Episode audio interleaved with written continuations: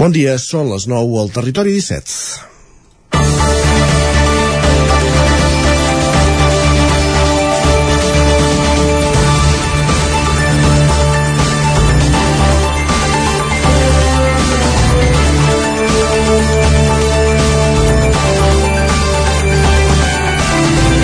Comença una nova etapa a l'Ajuntament de Granollers després de la renúncia oficialitzada aquest dimarts al vespre al ple del, pel que ha estat alcalde en els darrers 18 anys, Josep Mayoral. Els fets s'han anat succeint des que la setmana passada s'anunciava que no acabaria el mandat i passaria el relleu a la primera tinent d'alcalde, Alba Bernusell, després que divendres l'Assemblea de Militants l'escollís per substituir Mayoral en el que resta de mandat. L'endemà, Mayoral explicava que renunciava arran d'una arrítmia detectada fa dos anys i que l'impedeix estar al capdavant de l'Ajuntament amb la dedicació que seria necessària. En un discurs ple d'agraïments, Mayoral s'ha acomiadat aquest dimarts del ple assegurant que aquesta ciutat té el millor equip tècnic i polític de Catalunya i que la feina no la fa mai l'alcalde sol. En l'anunci del seu comiat dissabte explicava que ha deixat enllestits bona part dels seus objectius aquest darrer mandat, com el Mundial d'Handbol, el Centre de Radioteràpia, el projecte de desdoblament de l'R3, la presidència de la secció europea d'alcaldes per la Pau i la nova residència de gent gran. També es va referir a l'ampliació de l'hospital que està en marxa i va afegir que en el d'ahir s'aprovaria l'acord, en el ple d'ahir s'aprovaria l'acord amb Adif per fer possible el cobriment del ferrocarril entre els ponts de Josep Humbert i Agustí Vinyamata. Marxa un home que ha deixat empremta a la ciutat. Ha estat 18 anys alcalde, però en porta 35 a l'Ajuntament i també en el municipalisme català.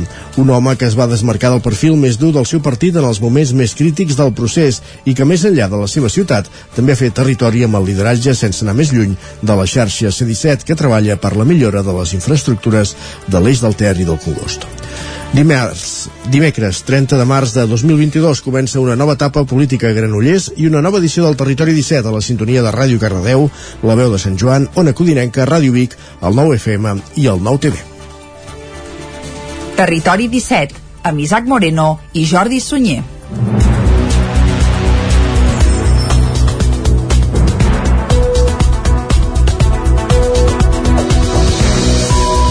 Passen dos minuts i mig de les 9 del matí, com bé deies, Isaac, eh, d'avui dimecres, dia 30 ja de març de 2022. Ens hem llevat amb un dia plujós, i déu nhi com plou, sembla que ho anirà fent durant tot el dia, però això ens ho avançarà en Pep Acosta d'aquí una estona, just després d'acostar-vos l'actualitat de les nostres comarques, que és el que farem durant la primera hora aquí a Territori 17. A partir de les 10, més informació, actualitzarem el butlletí informatiu i tot seguit anirem cap a l'entrevista. Avui on, Isaac? Avui anirem fins a una codinenca i en companyia de la Caral Campàs parlarem dels camins de bruixes de Caldes.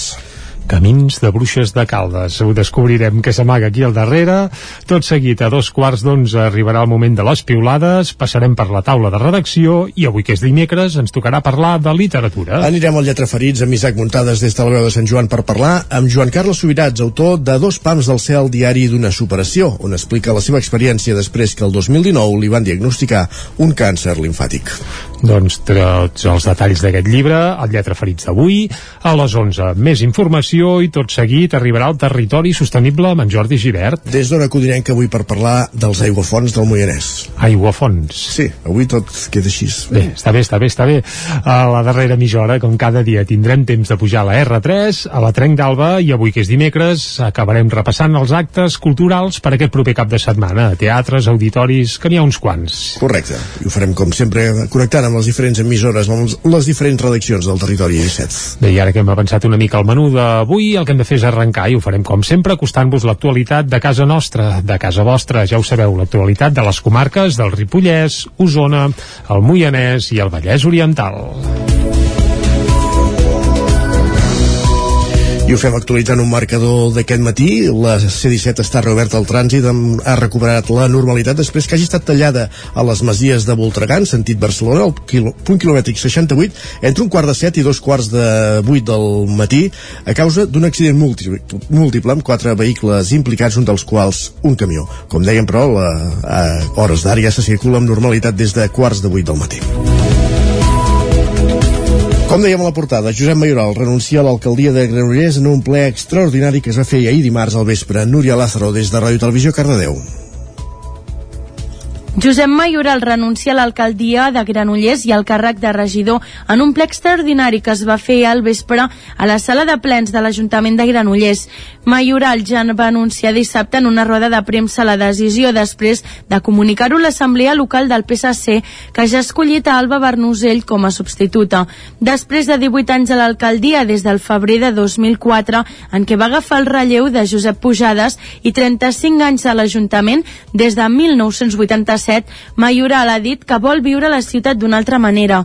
L'alcalde ha recordat els principals objectius que hi havia quan es va presentar de nou com a candidat l'any 2019 com el Mundial d'Handbol, el Centre de Radioteràpia, el projecte de desdoblament de la R3, la presidència de la secció europea d'alcaldes per la pau i la nova residència de gent gran. L'Ajuntament de Granollers no ha pogut emetre aquest dimarts a la nit a YouTube el ple extraordinari i urgent de renunciar als càrrecs de regidor i alcalde Josep Mayoral, ballar de la ciutat des de l'any 2004.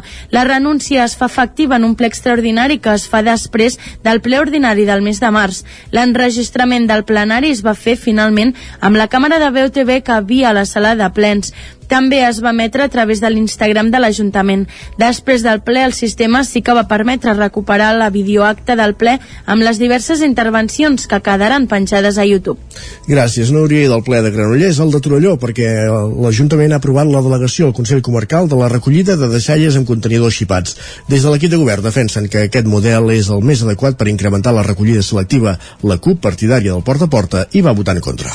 L'Ajuntament de Torelló ha aprovat la delegació del Servei de Recollida recollida de deixalles al Consell Comarcal d'Osona amb el nou model que s'impulsarà en aquest municipi, el dels contenidors xipats. L'equip de govern defensa que amb aquest sistema, un municipi de les dimensions de Torelló pot assolir uns índexs alts de recollida selectiva sense les limitacions horàries que suposa el porta a porta a l'hora de treure cada fracció. Cada domicili, doncs, tindrà assignada una zona de contenidors que podrà utilitzar amb una targeta identificativa, necessària per llançar totes les fraccions excepte el vidre. L'objectiu és arribar al 84 54% de recollida selectiva. L'any 2020 es va tancar amb un 57% a Torelló. Escoltem ara el seu alcalde, Marçal Ortuño. És un sistema còmode i amb aquesta comoditat busquem la màxima implicació del ciutadà, la màxima selecció i, en definitiva, la màxima facilitat per aconseguir un rati de selecció ben alt. L'elecció del model de contenidors xipats respon també a la voluntat de posar a Torelló a l'avantguàrdia dels models de recollida. El PSC i Junts per Catalunya van votar a favor de la delegació del Servei de Recollida de Deixalles i de Deixalleria al Consell Comarcal. La CUP, més partidària del porta a porta, hi va votar en contra, criticant també el cost econòmic dels contenidors xipats. Escoltem a Jordi Casanova de la CUP Torelló Som Poble. Veiem que al final serà un servei força més car i sobretot el més important, amb resultats pitjors que el porta a porta, ens reafirma que les nostres posicions que no és el model adequat. I no veiem un problema en que sigui més car, si asseguressin que fos més eficient, però de moment no és el cas. A la mateixa sessió va tirar endavant una moció de la CUP per crear un pla local de prevenció de residus. A més de la recollida selectiva i el reciclatge, el pla també hauria de posar el focus en la reducció dels residus. Tots els grups hi van donar suport, menys el PSC, que es va abstenir. Els periodistes Manel Elias i Carme Colomina participen a Vic en una taula rodona que sota el títol Ucraïna, terra de frontera, analitza el conflicte bèl·lic ucraïnès i la figura del mandatari rus Vladimir Putin.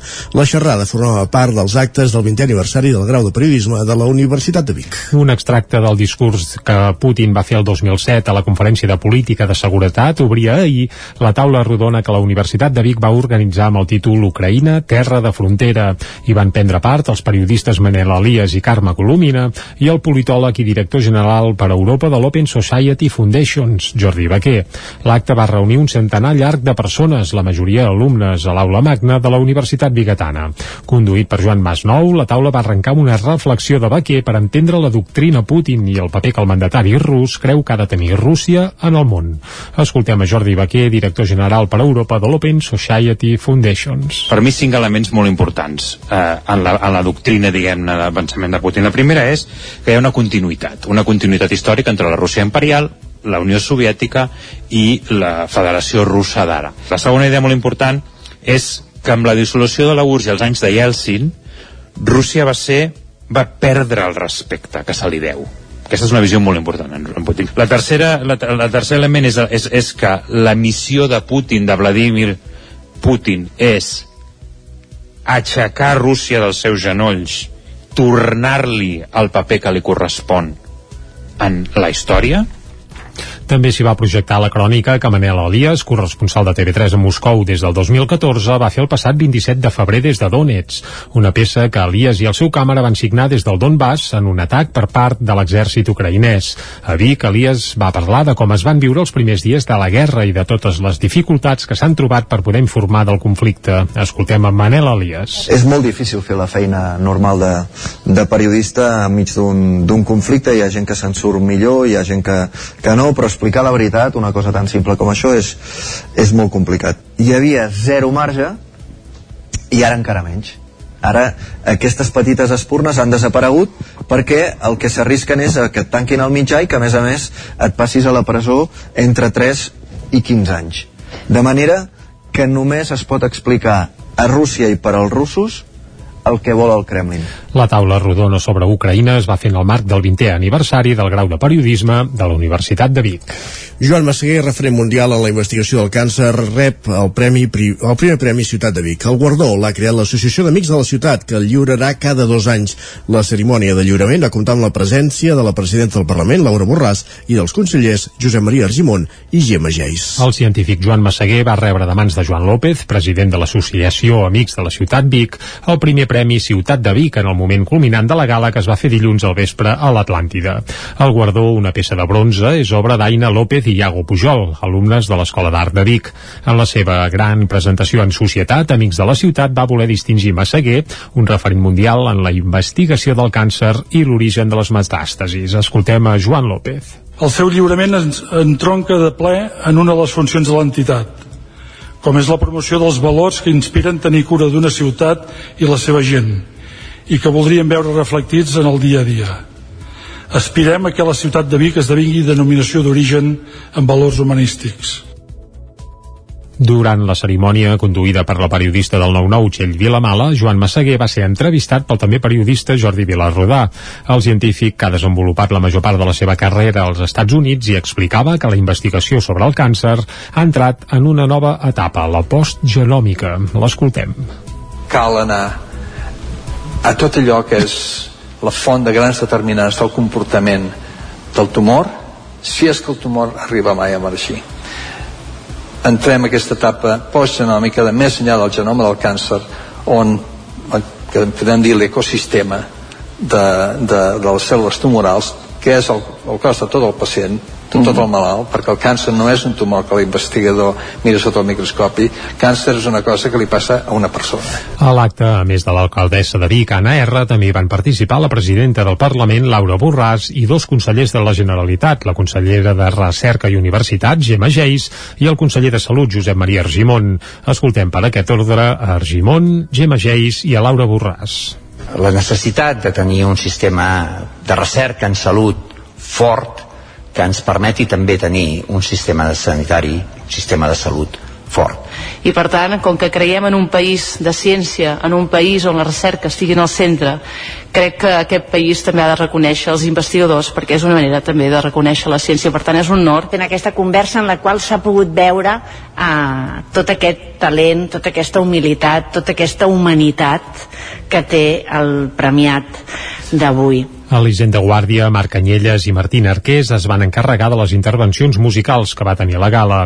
Amics de la ciutat de Vic lliurarà el premi cada dos anys. L'entitat, activa des del 2017, compta amb uns 25 socis i una vuitantena de simpatitzants.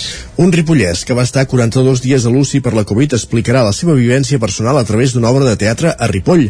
Isaac Muntades, des de la veu de Sant Joan. El pròxim 7 d'abril, en el marc del cicle de teatre de prop íntims, el Teatre Comtal de Ripoll acollirà l'estrena de 42 dies dies. Aquest és el temps que el ripollet Ramon Verdaguer, de 63 anys, va passar intubat a l'UCI de l'Hospital de Can Ruti per culpa de la Covid-19 des de principis de febrer del 2021 fins a finals de març d'aquell any. De fet, Verdaguer va arribar a tenir un 95% de probabilitats de morir, però se'n va acabar sortint. Al febrer d'aquell any va donar positiu en coronavirus i van traslladar-lo a l'Hospital de Can de Bànol. Allà van fer-li una prova en una artèria i ja no recorda res més des que es va despertar a Can Ruti. Allà el van intubar dues vegades, van fer-li una traqueotomia, un pneumotòrax, una artèria li va rebentar i va patir dues infeccions bacterianes. Un cop despert va anar 15 dies al centre hospitalari Can de Manolenc amb una visita de dos dies al doctor Trueta de Girona per una complicació. Verdaguer va millorar amb l'ajuda d'una fisioterapeuta, tot i quedar-li algunes seqüeles. El fet d'escriure com a teràpia el va començar a animar. Tot va començar després de sortir de, de la UCI vaig sortir molt enfonsat i vaig començar a escriure com a teràpia anècdotes, vivències, sentiments, pensaments i un dia em vaig trobar amb en Jordi pel carrer i dic Jordi, estic fent tot això però no me'n surto, em va fotre un cop de mà i s'hi va posar. Aquests 42 dies jo no recordo res, res de res. Però un cop despert jo em vaig pensar com era abans i com estava en aquell moment i estava desfet, les mans em tremolaven no m'hi veia, no m'aguantava dret el cap el tenia totalment dispers i vaig, vaig pensar si a quedessis jo m'estimo més fotre al camp Verdaguer volia agrair a tots els professionals sanitaris i a tota la família i amics que el va ajudar i llançar un missatge d'esperança. El director i dramaturg Jordi Pérez va començar amb una fase d'entrevistes a Verdaguer després de llegir allò que havia escrit i després va parlar amb la família, que sabia la part que en Ramon no recordava. De fet, la seva dona va escriure un diari de cada dia que va estar ingressat a l'UCI i de les jornades posteriors on hi havia plasmats els sentiments de la família i que Verdaguer no va llegir fins al desembre. De fet, es va assabentar d'alguns fets que van passar-li mentre estava intubat amb les reunions que feien amb els familiars i Pérez. El pensament de com havia de ser el format també era important. Al mateix temps l'anava intentant convèncer de com jo veia que hauria de ser l'espai, perquè el Ramon ho veia en un teatre molt gran, però a causa del Covid quedat unes seqüeles a la veu que era molt difícil poder fer això en condicions i si volíem girar sobretot, de forma que ens vàrem convèncer que l'espai íntim, que és el que forma part d'aquest cicle, doncs era el més idoni per aquest tipus de proposta. Per ara faran quatre funcions al Comtal els dies 7, 8, 9 i 10 d'abril i les entrades ja s'han exaurit. El protagonista de l'obra ja té una certa experiència teatral, però en l'àmbit amateur. Des de l'any 1983 és membre de la companyia La Taranyina de Ripoll i durant molts anys ha fet el paper de Bato als Pastorets. Verdaguer parlarà de la seva vivència en primera persona i estarà acompanyat de l'actor Àlex Galimany, que l'ajudarà en tot moment i representarà tots els papers de la família i de tres o quatre personatges del personal sanitari. A l'obra, que barreja la comèdia i el drama, hi apareixeran les gravacions d'algunes trucades als metges i vídeos. També hi sortirà un titella fabricat per Ninot Estudi que representarà els malsons del Ramon que s'anaven repetint mentre estava a l'UCI i alguna sorpresa que no volen desvetllar. El gerent de l'hospital i l'alcalde de Ripoll, Joan Graner i Jordi Monell respectivament, van coincidir en que l'obra s'ha de portar fora de la comarca. Aquesta també n'és la intenció, però de moment no hi ha res lligat. Més qüestions. El grup ecologista al Fanal ha presentat aquest cap de setmana els primers resultats d'un estudi que analitza la salut de l'aigua de les fonts del Moianès, que era el campàs des d'Ona Codinenca. Els resultats van ser presentats en una conferència celebrada al Casal de Mollà aquest dissabte a la tarda. D'aquesta manera, l'entitat ecologista del Moianès donava a conèixer els primers resultats d'un estudi que van començar el 2020 i que tenen voluntat d'ampliar durant els pròxims anys. Jordi Espuny, geòleg membre del FANAL, explicava que ara busquen la complicitat de més veïns de pobles del Moianès per poder catalogar totes les fonts. Ja que hem engegat aquest projecte, doncs donar-li continuïtat i eh, ens havíem proposat un esglau més que és el de, el de fer, fer el projecte popular i bé, que la gent de diferents municipis també ens puguin aportar el seu coneixement. I sobretot un aspecte que ens interessa molt és també la, la vessant cultural de les fonts a part de patrimoni natural, també és un patrimoni cultural. De moment s'han inventariat 48 fonts de les quals s'han estudiat els cabals d'aigua. A més, amb el suport del Consell Comarcal i de la Universitat de Barcelona s'ha fet un estudi de nitrats per tal de determinar la seva qualitat. Situació d'alarma, estem, eh, anem fent aquest seguiment, anem, anem inventariant i, i analitzant més fonts, anem, anem ampliant aquesta radiografia dels nitrats al Moianès, però en aquests dos primers anys eh, es veu que, tam, que, que n'hi ha, però que no són, no, no són moltíssimes. Vull dir, de fet, representen un 19,15% de, de, del total de les fonts eh, mostrejades. Des del grup ecologista destaquen que els resultats són un toc d'atenció i que cal estar alerta a l'evolució tant de la manca de cabal en algunes fonts i fer tasques de prevenció perquè no apareguin nitrats a més fonts. Tot i això, la situació no és preocupant com passa a zones veïnes com el Lluçanès i Osona.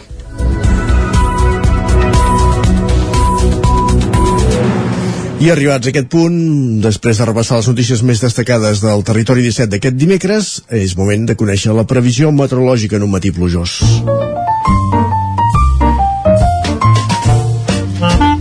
Casa Terradellos us ofereix el temps. Una previsió que ens acosta com cada dia en Pep Acosta i ja el saludem. Bon dia, Pep. Hola, Què tal? bon dia. I bona hora. Com cada dia, com cada matí, Clar la sí. informació meteorològica i arriba a casa vostra. Vinga, anem-hi. Continua, continua la forta inestabilitat aquest mes de març, eh, aquesta precipitació també, aquesta nit destacar els més de 20 litres cap al Pirineu, cap a la zona de Molló i zones pròximes, més de 20 litres, fantàstica notícia en aquesta zona, Uh, més de 10 litres també cap al nord d'Osona. Uh, Ripollès i nord d'Osona és on més ha plogut. Uh, per tant notícia boníssima pel cabal dels rius per, per, per, uh, per la neu que també ha nevat. Atenció que la cota neu està a uns 1.600 metres. Està nevant a tot el Pirineu i també està nevant a les cotes més altes del Montseny. Està això, eh? sí, sí, a uns 1.700 metres més o menys la cota neu a la resta de les poblacions, a les comarques, ha pogut per sota dels 10 litres. Uh, com deia, hem superat aquests 10 litres cap al nord d'Osona i cap al Ripollès. A tota la resta, uh, per sota dels 10 litres. Amb una nit que no ha sigut molt freda, només una mica de fred a les zones més altes del Pirineu, uh, també a les muntanyes més altes del Montseny, uh, mínimes negatives en aquestes zones, però la majoria mínimes entre els 5 i els 10 graus. Eh, no han baixat massa els termòmetres, eh, ja aviso que ho faran molt més a partir de demà a la nit. Eh, sobretot la nit de dijous divendres serà molt freda i les pròximes encara ho seran més, eh? Atenció que a partir de demà a la nit les nits seran de ple, de ple hivern. Uh, pel que fa a l'estat del cel avui uh, serà un dia molt ennuvolat uh, amb pluja uh, poques, poquíssimes gens estones de sol uh, un dia humit, un dia fresc. En definitiva que um, gens primaveral eh, serà uh, força, força hivernal el dia d'avui i és que les temperatures baixaran una mica. Uh, comencen a canviar els vents encara tenim una mica de vents de sud de, de sud-est però estan girant a nord aniran girant a nord el dia d'avui i sobretot ja de cara a demà. I la temperatura baixarà. Les màximes la majoria entre els 10 i els 15 graus. Avui torno a insistir, torno a dir aquesta poca oscil·lació tèrmica entre el dia i la nit, que serà molt, molt poca, en alguns llocs només 4 o 5 graus, la diferència entre les màximes i les mínimes. Anirà plovent i a la tarda aquesta pluja s'intensificarà, sobretot a les zones de muntanya, Guilleries, Montseny i el Pirineu. Jo crec que al llarg del dia d'avui eh, podem superar els 40, 40 litres en alguna zona d'aquestes, de, de Montseny, Guilleries i, i Pirineu, i a les restes de les poblacions, eh, les poblacions poden costar entre els 10 als 20, 30 litres a tot estirar. Uh, bona notícia, es van incrementant aquesta pluja, va incrementant el cabal dels rius, els, els, els llacs, uh, els, els pantans, i la sequera superficial va desapareixent.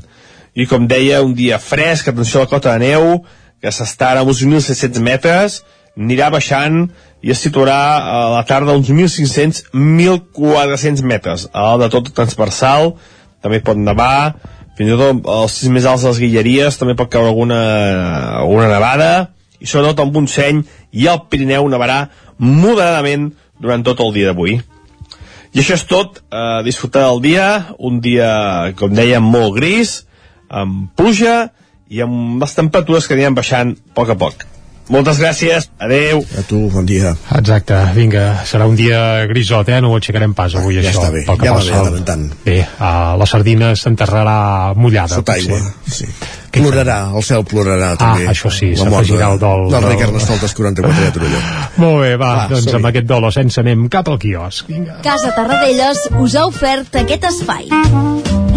Anem cap al quiosc i avui és un d'aquells dies que ja tenim el titular del matí, que no apareix les portades, perquè clar, eh, que s'acaba de conèixer, per exemple, l'increment de l'IPC d'aquest mes de febrer, que ens enfila fins al 9,8%. Déu-n'hi-do. Vinga. Sense treva, sense treva. Aquesta... Dada històrica des de l'any 85. Doncs, déu nhi imagina't. Bueno, ja hi érem nosaltres, però fa molt, molt de temps que no es veia un IPC tan desbocat com el que tenim actualment. I com bé deies, a les portades no hi apareix aquest índex de l'IPC perquè s'ha conegut a primera hora del matí, però en canvi sí que hi apareixen altres desacords o altres sotracs. Per exemple, el punt avui titula L'altre desacord i parla de que ahir es va complir el primer aniversari del pacte Esquerra Republicana CUP per la investidura de Pere Aragonès i la desconfiança no trenca l'entesa en àmbits de govern, expliquen des del punt avui. Uh, també a la fotografia principal escletxa per al diàleg. Rússia modera els atacs i Ucraïna acceptaria no adherir-se a l'OTAN. Aquest és un dels titulars que apareixen al punt avui. A l'ara, primers signes de distensió entre Rússia i Ucraïna, també en aquesta mateixa línia que s'apuntava al punt avui. I també expliquen al diari ara que el 30% dels adolescents barcelonins tenen malestar emocional i a un 60% no els agrada el seu cos 啊 uh, Déu-n'hi-do, déu és per, per, vaja, anava a dir per investigar-hi una mica i fer una tertúlia i un racó de pensar gairebé això, eh? Quin percentatge has dit? Sí, sí, el 60% no els agrada el seu cos. Bé, anem a l'avantguàrdia. Russos i ucraïnesos avancen en el diàleg per un alto al foc. La fotografia, però, no és per la crisi a Ucraïna, sinó per la Copa de l'Amèrica, que recús la unitat política i de la societat civil. Això segons l'avantguàrdia. Però, clar, a la fotografia sí que es veu a Colau, a Pere Aragonès, tots ben contents perquè Barcelona acollirà o serà la seu d'aquesta Copa Amèrica de vela. Avui, no? O, o... Però no, hauria estar confirmadíssim ja, eh? Ahir van fer-se la foto i tot, i el periòdico també apareix, a tota vela en el mateix barco. Aquest és el titular eh, que il·lustra la foto del periòdico. És que, que és ràpid, fàcil fer-los contents. Clar, clar, clar, clar, ja... vinga. Tot... I uh, l'altre titular del periòdico, el govern abaixa la llum 6 euros sense tenir el permís de Brussel·les. Les mesures contra l'impacte econòmic de la guerra d'Ucraïna és l'altre titular principal del periòdico i ràpidament cop d'ull a les portades de Madrid. El país, Occident recela de la promesa de Putin de cessar el setge a Kiev. La Razón, la renúncia d'Ucraïna a l'OTAN apropa l'alto al foc. Això segons la Razón. El Mundo, Putin reconeix avenços després d'oferir Zelensky la neutralitat i acabem fent un cop d'ull a l'ABC que diuen Ucraïna renuncia a entrar a l'OTAN si diversos països s'encarreguen de la seva seguretat. També es veu que Biden se suma a Sánchez i entrega el Sàhara a Marroc. Ras i curt. Doncs ho anirem ballant tot plegat. Uh, fem una petita pausa i tornem d'aquí 3 minuts fins ara. El nou FM, la ràdio de casa, al 92.8.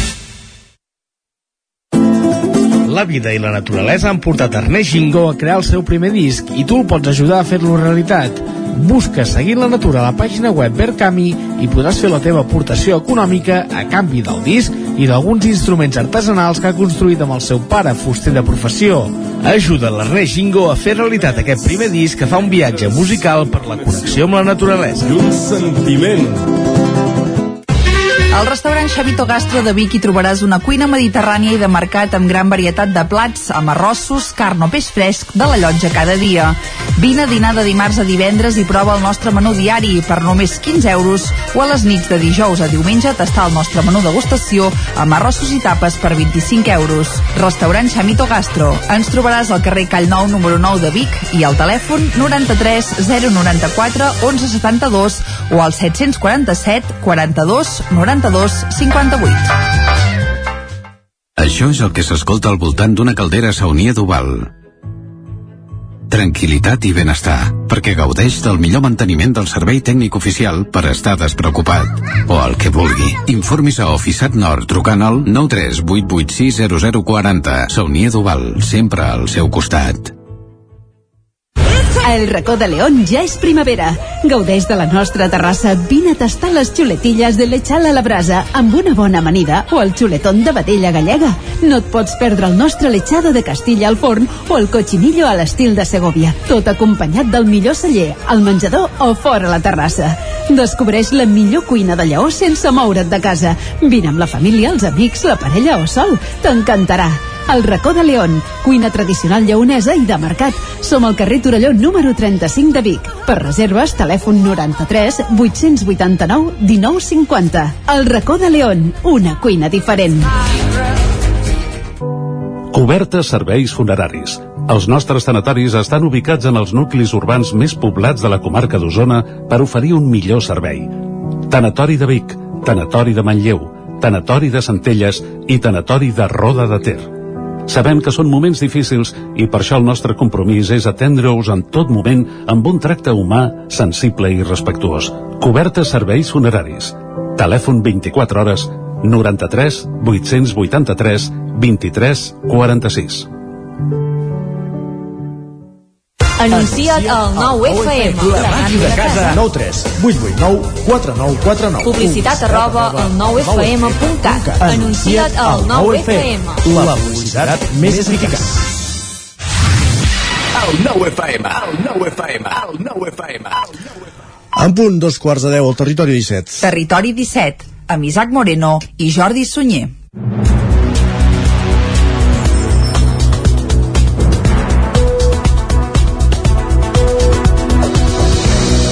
I a dos quarts de deu en punt d'avui dimecres, dia 30 de març de 2020, el que farem de seguida és acostar-vos de nou tota l'actualitat de casa nostra i de casa vostra, de les nostres comarques. Abans, però, ja us avancem que abans de les 10 hi posarem música, com fem cada dia, i que avui estrenarem una altra peça de la Gemma Humet. El seu nou disc surt aquest divendres, uh, dia 1 d'abril, i també ha el present el mateix dia 1 d'abril, fa una preestrena en un concert en directe que es farà a l'Atlàntida de Vic, on per cert aquests dies uh, ja hi viu, preparant precisament el seu nou directe. I des d'avui mateix hi fa una estada ja fins divendres, pràcticament tot el dia allà treballant i preparant el directe d'aquesta nova gira i d'aquest nou disc, que per cert el disc es titularà, es titula Vaja ja rere tot aquest fum. Doncs rere tot aquest fum i escoltarem la Gemma Humet. A les 10 actualitzarem butlletins informatius i després a l'entrevista, Isaac, anirem cap a Caldes, oi? Exacte, amb la Caral Campàs des d'una codinenca parlarem dels camins de bruixes de, de Caldes amb alguns dels seus impulsors. A dos quarts d'onze serà el moment de fer piulades, les repassarem amb en Guillem Sánchez, tot seguit passarem per la taula de redacció i abans de les 11 arribarà Lletra Ferits. Amb l'Isaac Muntades, des de la veu de Sant Joan, parlarem amb Joan Carles Subirats, autor de Dos pams de cel, diari d'una superació, on explica la seva experiència després que el 2019 li diagnostiquessin un càncer linfàtic. A les 11 actualitzarem de nou el butlletí informatiu i tot seguit arribarà al territori sostenible. I amb en Jordi Givert parlarem de fonts i d'aigua des d'una codinenca per parlar, com dèiem, de les aiguafons del Moianès a dos que quarts de dotze. les notícies estan més bé que els aquífers a, al Els- Moianès que el Lluçanès i Osona no costa gaire eh, és el banda. que anava a dir, no té gaire mèrit tenint en compte com estan de malament sobretot els, el malic de la plana de Vic on hi ha registres rècords sobretot de contaminació per nitrats afortunadament el Moianès és una mica d'altiplà i suposem que és més complicat que, que els purins facin el seu efecte bé, ho descobrirem això al territori sostenible i a la darrera mitja hora, com cada dia, tindrem temps d'anar amb tren, a la R3, a la Trenc d'Alba i avui, que és dimecres, acabarem ja esmolant les eines de cara al cap de setmana.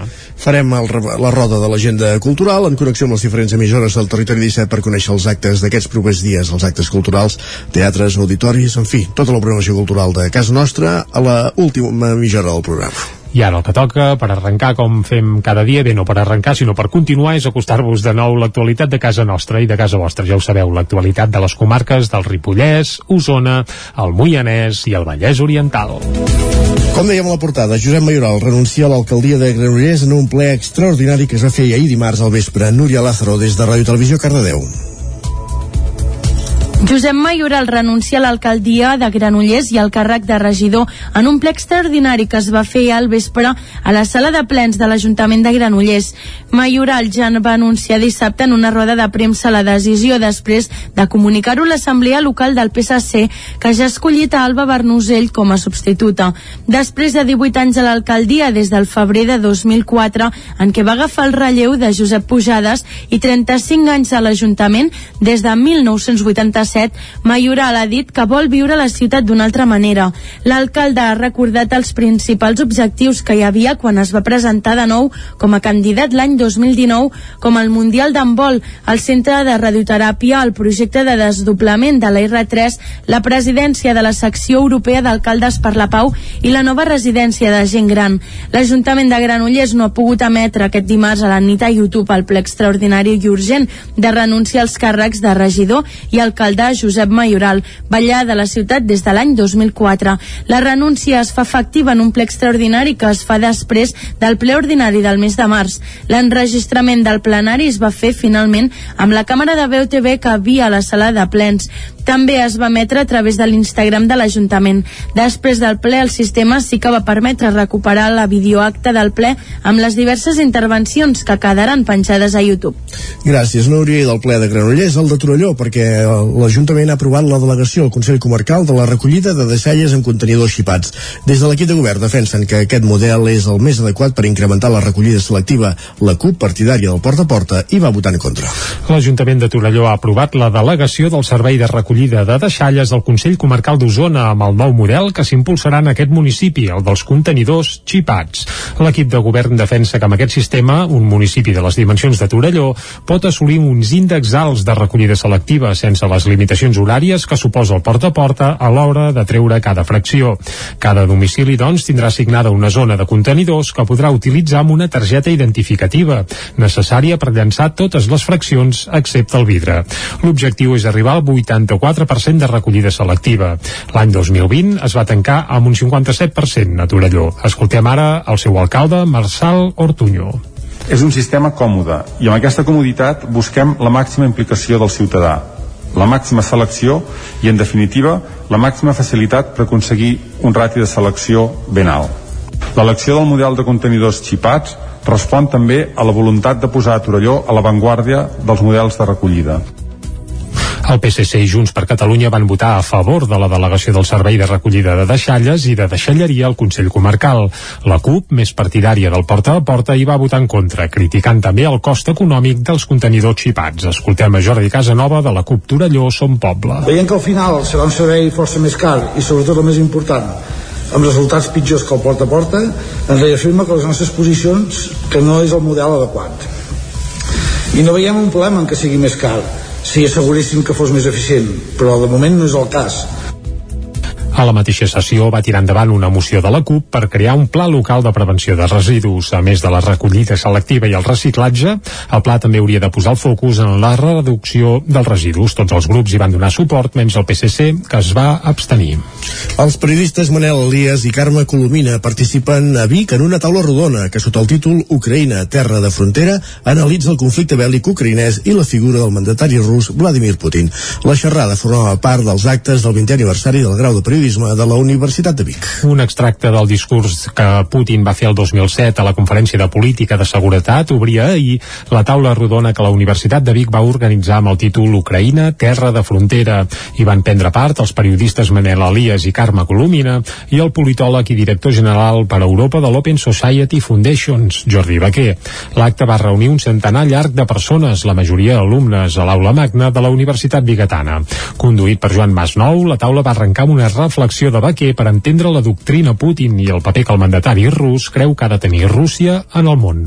Escoltem a Jordi Baquer, director general per Europa de l'Open Society Foundations. Per mi cinc elements molt importants eh, en, la, en la doctrina, diguem-ne, del pensament de Putin. La primera és que hi ha una continuïtat, una continuïtat històrica entre la Rússia imperial, la Unió Soviètica i la Federació Russa d'ara. La segona idea molt important és que amb la dissolució de la URSS i els anys de Yeltsin, Rússia va ser va perdre el respecte que se li deu aquesta és una visió molt important en Putin. La tercera, la, la tercer element és, és, és que la missió de Putin, de Vladimir Putin, és aixecar Rússia dels seus genolls, tornar-li el paper que li correspon en la història, també s'hi va projectar la crònica que Manel Elias, corresponsal de TV3 a Moscou des del 2014, va fer el passat 27 de febrer des de Donetsk, una peça que Elias i el seu càmera van signar des del Donbass en un atac per part de l'exèrcit ucraïnès.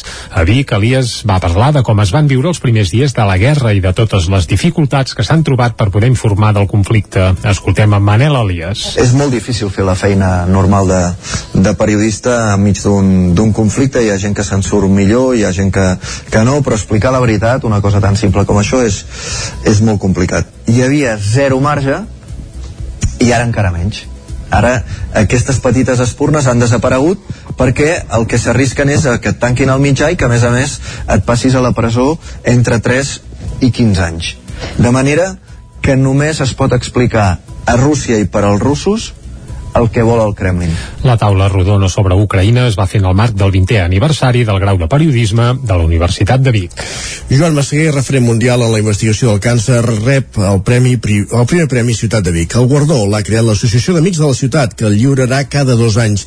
La cerimònia de lliurament ha comptat amb la presència de la presidenta del Parlament, Laura Borràs, i dels consellers Josep Maria Argimon i Gemma Geis. El científic Joan Massaguer va rebre de mans de Joan López, president de l'Associació Amics de la Ciutat Vic, el primer Premi Ciutat de Vic en el moment culminant de la gala que es va fer dilluns al vespre a l'Atlàntida.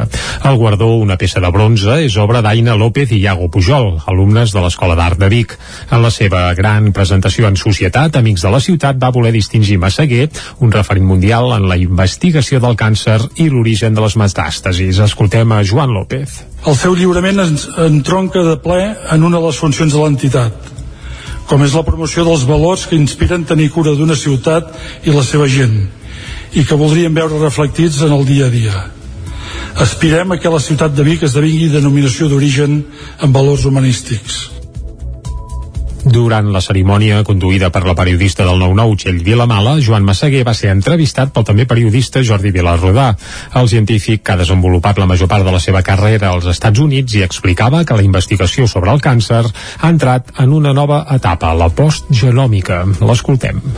Cal anar a tot allò que és la font de grans determinants del comportament del tumor, si és que el tumor arriba mai a emergir entrem en aquesta etapa postgenòmica de més enllà del genoma del càncer on que podem dir l'ecosistema de, de, de les cèl·lules tumorals que és el, el cos de tot el pacient de tot el malalt, perquè el càncer no és un tumor que l'investigador mira sota el microscopi càncer és una cosa que li passa a una persona.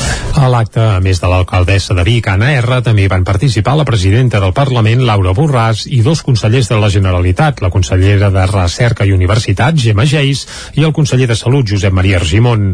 Escoltem per aquest ordre a Argimon, Gemma Geis i a Laura Borràs. La necessitat de tenir un sistema de recerca en salut fort que ens permeti també tenir un sistema de sanitari, un sistema de salut fort. I per tant, com que creiem en un país de ciència, en un país on la recerca estigui en el centre, crec que aquest país també ha de reconèixer els investigadors perquè és una manera també de reconèixer la ciència. Per tant, és un honor. En aquesta conversa en la qual s'ha pogut veure eh, tot aquest talent, tota aquesta humilitat, tota aquesta humanitat que té el premiat d'avui.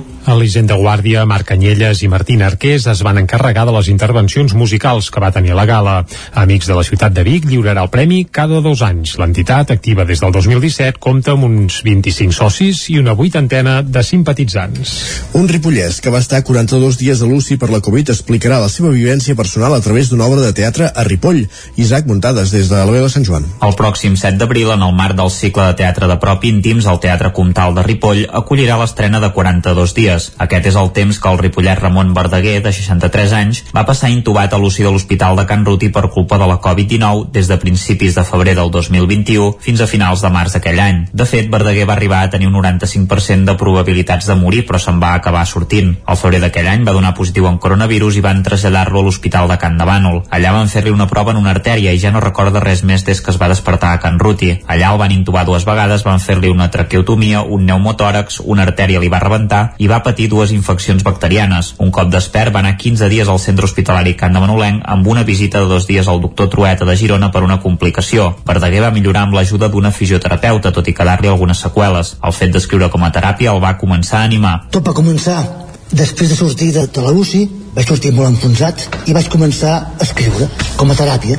anècdotes, vivències, sentiments, pensaments i un dia em vaig trobar amb en Jordi pel carrer i dic Jordi, estic fent tot això, però no me'n surto. Em va fotre un cop de mà i s'hi va posar. Aquests 42 dies jo no recordo res, res de res. Però un cop despert jo em vaig pensar com era abans i com estava en aquell moment. I estava desfet. Les mans em tremolaven, no m'hi veia, no m'aguantava dret, el cap el tenia totalment dispers vaig, vaig pensar si de quedar així, jo m'estimo més fot al camp. Verdaguer volia agrair a tots els professionals sanitaris i a tota la família i amics que el va ajudar i llançar un missatge d'esperança. El director i dramaturg Jordi Pérez va començar amb una fase d'entrevistes a Verdaguer després de llegir allò que havia escrit i després va parlar amb la família, que sabia la part que en Ramon no recordava. De fet, la seva dona va escriure un diari de cada dia que va estar ingressat a l'UCI i de les jornades posteriors on hi havia plasmats els sentiments de la família i que Verdaguer no va llegir fins al desembre. De fet, es va assabentar d'alguns fets que van passar-li mentre estava intubat amb les reunions que feien amb els familiars i Pérez. El pensament de com havia de ser el format també era important. Al mateix temps l'anava intentant convèncer de com jo veia que hauria de ser l'espai, perquè el Ramon ho veia en un teatre molt gran, però a causa del Covid li han quedat unes seqüeles a la veu que era molt difícil poder fer això en condicions i si volíem girar sobretot, de forma que ens vàrem convèncer que l'espai íntim, que és el que forma part d'aquest cicle, doncs era el més idoni per aquest tipus de proposta. Per ara faran quatre funcions al Comtal els dies 7, 8, 9 i 10 d'abril i les entrades ja s'han exaurit. El protagonista de l'obra ja té una certa experiència teatral, però en l'àmbit amateur. Des de l'any 1983 és membre de la companyia La Taranyina de Ripoll i durant molts anys ha fet el paper de Bato als Pastorets. Verdaguer parlarà de la seva vivència en primera persona i estarà acompanyat de l'actor Àlex Galimany, que l'ajudarà en tot moment i representarà tots els papers de la família i de tres o quatre personatges del personal sanitari. A l'obra, que barreja la comèdia i el drama, hi apareixeran les gravacions d'algunes trucades als metges i vídeos. També hi sortirà un titella fabricat per Ninot Estudi que representarà els malsons del Ramon que s'anaven repetint mentre estava Lucy i alguna sorpresa que no volen desvetllar. El gerent de l'hospital i l'alcalde de Ripoll, Joan Graner i Jordi Monell respectivament, van coincidir en que l'obra s'ha de portar fora de la comarca. Aquesta també és la intenció, però de moment no hi ha res lligat. Més qüestions. El grup ecologista al Fanal ha presentat aquest cap de setmana els primers resultats d'un estudi que analitza la salut de l'aigua de les fonts del Moianès, que era el campàs des d'una codinenca. Els resultats van ser presentats en una conferència celebrada al Casal de Mollà aquest dissabte a la tarda. D'aquesta manera, l'entitat ecologista del Moianès donava a conèixer els primers resultats d'un estudi que van començar el 2020 i que tenen voluntat d'ampliar durant els pròxims anys. Jordi Espuny, geòleg membre del FANAL, explicava que ara busquen la complicitat de més veïns de pobles del Moianès per poder catalogar totes les fonts. Ja que hem engegat aquest projecte, doncs donar-li continuïtat i eh, ens havíem proposat un esglaó més que és el de, el de fer, fer el projecte popular i bé, que la gent de diferents municipis també ens puguin aportar el seu coneixement. I sobretot un aspecte que ens interessa molt és també la, la vessant cultural de les fonts a part de patrimoni natural també és un patrimoni cultural. De moment s'han inventariat 48 fonts de les quals s'han estudiat els cabals d'aigua. A més, amb el suport del Consell Comarcal i de la Universitat de Barcelona s'ha fet un estudi de nitrats per tal de determinar la seva qualitat. Situació d'alarma, estem, eh, anem fent aquest seguiment, anem, anem inventariant i, i analitzant més fonts, anem, anem ampliant aquesta radiografia dels nitrats al Moianès, però en aquests dos primers anys eh, es veu que, tam, que, que n'hi ha, però que no són, no, no són moltíssimes. De fet, representen un 19,15% de, de, del total de les fonts eh, mostrejades. Des del grup ecologista destaquen que els resultats són un toc d'atenció i que cal estar alerta a l'evolució tant de la manca de cabal en algunes fonts i fer tasques de prevenció perquè no apareguin nitrats a més fonts. Tot i això, la situació no és preocupant com passa a zones veïnes com el Lluçanès i Osona.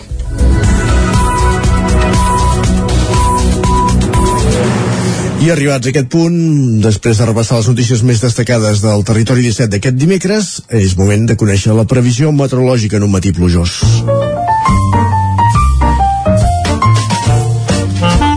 Casa Terradellos us ofereix el temps. Una previsió que ens acosta com cada dia amb Pep Acosta i ja el saludem. Bon dia, Pep. Hola, Què tal? bon dia. I bona hora. Com cada dia, com cada matí, Clar la sí. informació meteorològica uh -huh. i arriba a casa vostra. Vinga, anem-hi. Continua, continua la forta inestabilitat aquest mes de març, eh, aquesta precipitació també, aquesta nit destacar els més de 20 litres cap al Pirineu, cap a la zona de Molló i zones pròximes, més de 20 litres, fantàstica notícia en aquesta zona, Uh, més de 10 litres també cap al nord d'Osona. Uh, Ripollès i nord d'Osona és on més ha plogut. Uh, per tant notícia boníssima pel cabal dels rius per, per, per, uh, per la neu que també ha nevat. Atenció que la cota neu està a uns 1.600 metres. Està nevant a tot el Pirineu i també està nevant a les cotes més altes del Montseny. On està això, eh? sí, sí, a uns 1.700 metres més o menys la cota neu a la resta de les poblacions, a les comarques, ha pogut per sota dels 10 litres. Uh, com deia, hem superat aquests 10 litres cap al nord d'Osona i cap al Ripollès. A tota la resta, eh, per sota dels 10 litres. Amb una nit que no ha sigut molt freda, només una mica de fred a les zones més altes del Pirineu, eh, també a les muntanyes més altes del Montseny, eh, mínimes negatives en aquestes zones, però la majoria mínimes entre els 5 i els 10 graus. Eh, no han baixat massa els termòmetres, eh, ja aviso que ho faran molt més a partir de demà a la nit. Eh, sobretot la nit de dijous de divendres serà molt freda i les pròximes encara ho seran més, eh? Atenció que a partir de demà a la nit les nits seran de ple, de ple hivern. Uh, pel que fa a l'estat del cel avui uh, serà un dia molt ennubulat uh, amb pluja uh, poques, poquíssimes gens estones de sol uh, un dia humit, un dia fresc en definitiva que um, gens primaveral eh, serà uh, força, força hivernal el dia d'avui i és que les temperatures baixaran una mica. Uh, comencen a canviar els vents encara tenim una mica de vents de sud de, de sud-est però estan girant a nord, aniran girant a nord el dia d'avui i sobretot ja de cara a demà. I la temperatura baixarà, les màximes, la majoria entre els 10 i els 15 graus. Avui torno a insistir, torno a dir aquesta poca oscil·lació tèrmica entre el dia i la nit, que serà molt, molt poca, en alguns llocs només 4 o 5 graus, la diferència entre les màximes i les mínimes. Anirà plovent i a la tarda aquesta pluja s'intensificarà, sobretot a les zones de muntanya, Guilleries, Montseny i el Pirineu. Jo crec que al llarg del dia d'avui eh, podem superar els 40, 40 litres en alguna zona d'aquestes, del, del Montseny, Guilleries i, i Pirineu, i a les restes de les poblacions, eh, les poblacions poden gustar entre els 10 als 20, 30 litres a tot estirar Uh, bona notícia, es va incrementant aquesta pluja, va incrementant el cabal dels rius, els, els, els llacs, uh, els, els pantans, i la sequera superficial va desapareixent.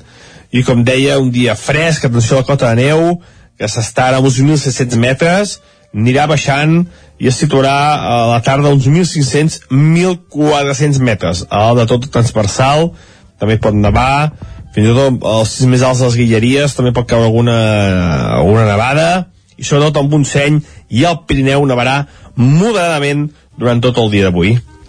I això és tot, eh, disfrutar del dia un dia, com dèiem, molt gris amb pluja i amb les temperatures que aniran baixant a poc a poc moltes gràcies, adeu. A tu, bon dia. Exacte, vinga, serà un dia grisot, eh? No ho aixecarem pas avui, ja això. està bé, ja va bé, de tant. Bé, uh, la sardina s'enterrarà mullada. Sota aigua, sí. Plorarà, el cel plorarà, també. Ah, això sí, s'afegirà el dol. Del Ricard Carnestoltes 44 de Torelló. Molt bé, va, va doncs amb aquest dol sense anem cap al quiosc. Vinga. Casa Tarradellas us ha ofert aquest espai. Anem cap al quiosc i avui és un d'aquells dies que ja tenim el titular del matí, que no apareix les portades, perquè clar, que s'acaba de conèixer, per exemple, l'increment de l'IPC d'aquest mes de febrer, que ens enfila fins al 9,8%. Déu-n'hi-do. Sense treva, sense treva. Aquesta... Dada històrica des de l'any 85. Doncs, Déu-n'hi-do, imagina't.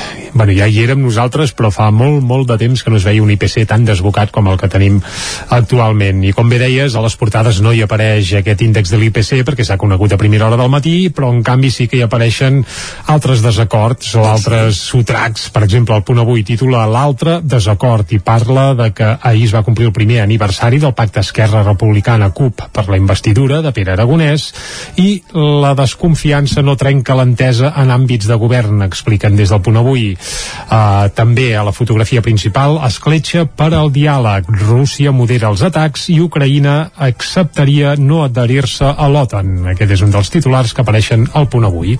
A l'ara, primers signes de distensió entre Rússia i Ucraïna, també en aquesta mateixa línia que s'apuntava al punt avui i també expliquen al diari ara que el 30% dels adolescents barcelonins tenen malestar emocional i a un 60% no els agrada el seu cos.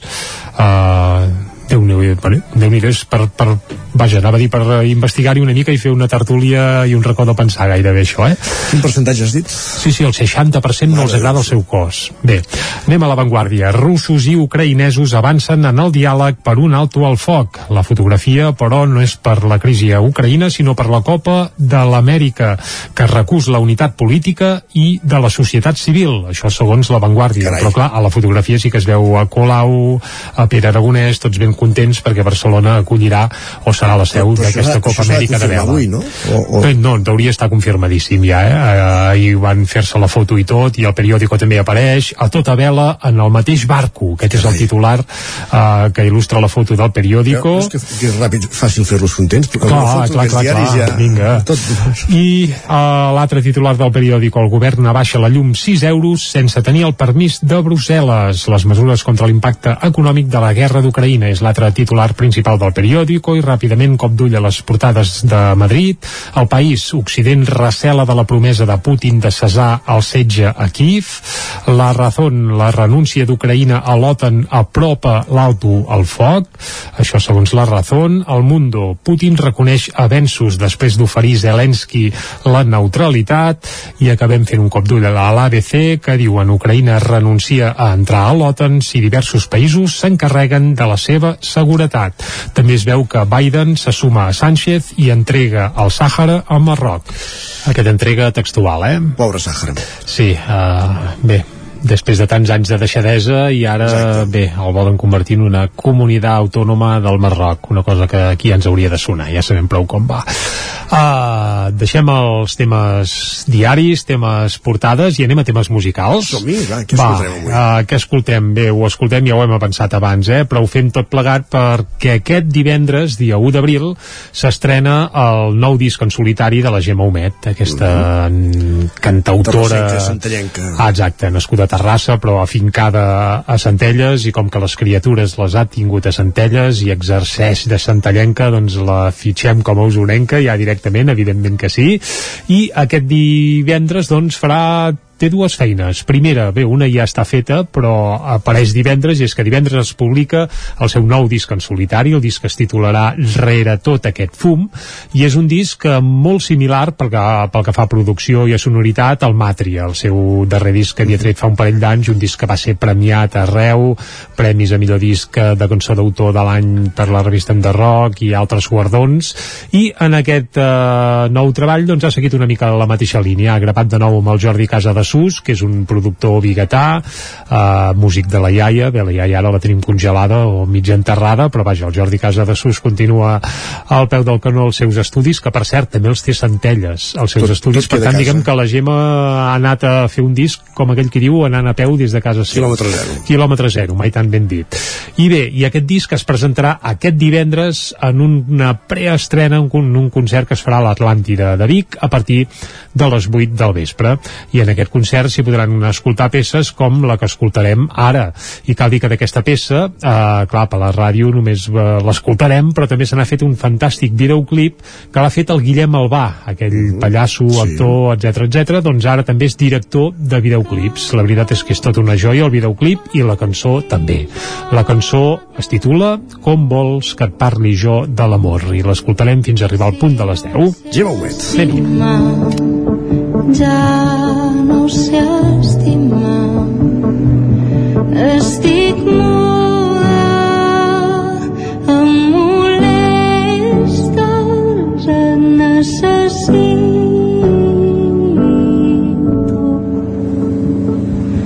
Però d'amor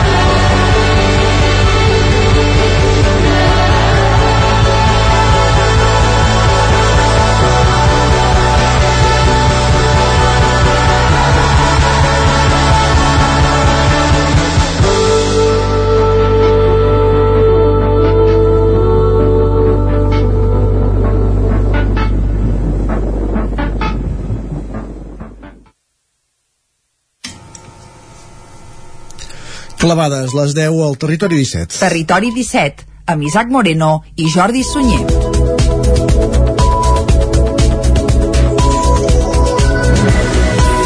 Moment al territori 17 d'actualitzar-nos, de posar-nos al dia amb les notícies més destacades de les nostres comarques, el Ripollès, el Vallès Oriental, el Moianès i Osona, i ho fem en connexió amb les diferents emissores que cada dia fan possible aquest programa. La veu de Sant Joan, Ona Codinenca, Ràdio Cardedeu, Ràdio Vic, el 9 FM i el 9 TV per explicar-vos aquesta hora que la Fiscalia demana la màxima pena de presó per un home acusat de matar la seva parella a Vic. Els fets van passar la matinada del 20 d'octubre de 2019 i aquest dijous començarà el judici a l'Audiència de Barcelona. Ah, exacte, aquest dijous està previst que comenci a l'Audiència Provincial de Barcelona el judici a l'home acusat de matar una dona a l'interior d'un domicili de Vic la matinada del 20 d'octubre de 2019.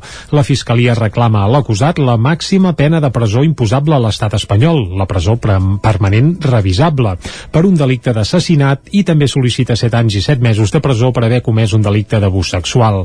Segons recull, recull volem dir, l'escrit de la Fiscalia, els protagonistes del tràgic fet havien sigut parella sentimental i compartien un fill en comú de curta edat. Tres mesos abans de produir-se l'assassinat, en un domicili del carrer Enric Prat de la Riba de la capital d'Osona, i segons recull la instrucció del cas, la noia hauria expressat al seu entorn la voluntat de posar fi a la relació amb la seva parella. La jove va comunicar finalment a l'home que no era feliç amb aquest tipus de relació i van acordar separar els seus camins, trencant també la convivència en el mateix domicili. L'acusat mai hauria acceptat aquesta decisió i durant els mesos posteriors a deixar el pis que tenien en comú, el seu sentiment de gelosia i possessió cap a qui havia sigut la seva parella es va accentuar. Segons el document de la Fiscalia, en una maniobra per recuperar el vincle amb la noia, va reclamar a l'entorn familiar fer una última sortida de festa, proposta a la qual la jove va acabar accedint. A la tornada de la discoteca, tots dos van anar a l'interior del domicili familiar i aprofitant l'estat d'embriaguesa de la jove, l'home hauria abusat sexualment d'ella.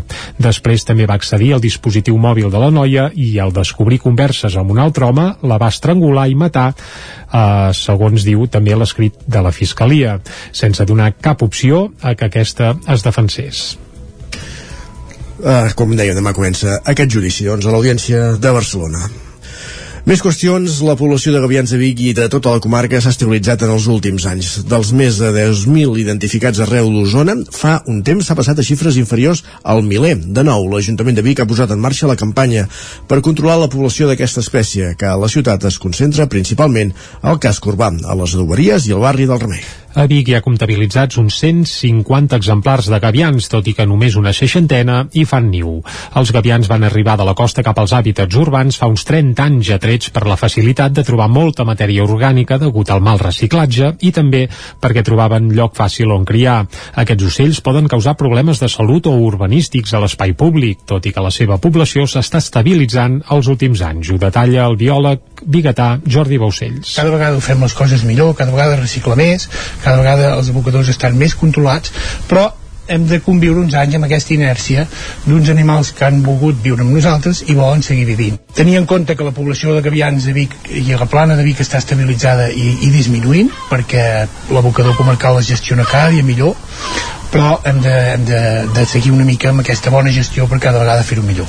Per això, des de l'Ajuntament de Vic s'ha iniciat un any més la campanya per controlar la població de gavians, coincidint amb els mesos d'abril i maig, que és quan comencen la cria i quan fan també els nius. És molt important la col·laboració ciutadana perquè es pugui controlar amb èxit la proliferació de nius a la ciutat. La crida la fa Núria Vergés, que és regidora de Salut Pública de l'Ajuntament de Vic. Si detecten doncs, en el seu edifici, en el seu habitatge o algun habitatge pròxim doncs, que s'hi està fent un niu doncs, que ens puguin avisar al Servei de Salut Pública de l'Ajuntament. I un cop s'alerta a l'Ajuntament, què es fa? Doncs ens ho explica Jordi Baucells. O bé fem una punció d'ous per evitar que neixin, o bé fem una retirada d'ous. Això ens evita qualsevol sacrifici d'animals, qualsevol patiment, i ens evita que generi la molèstia, perquè la molèstia important, important, i això sí que s'ha de dir que ho és, eh, perquè són, no, no ens faran mai mal físic, però són agressius, és quan tenen els polls.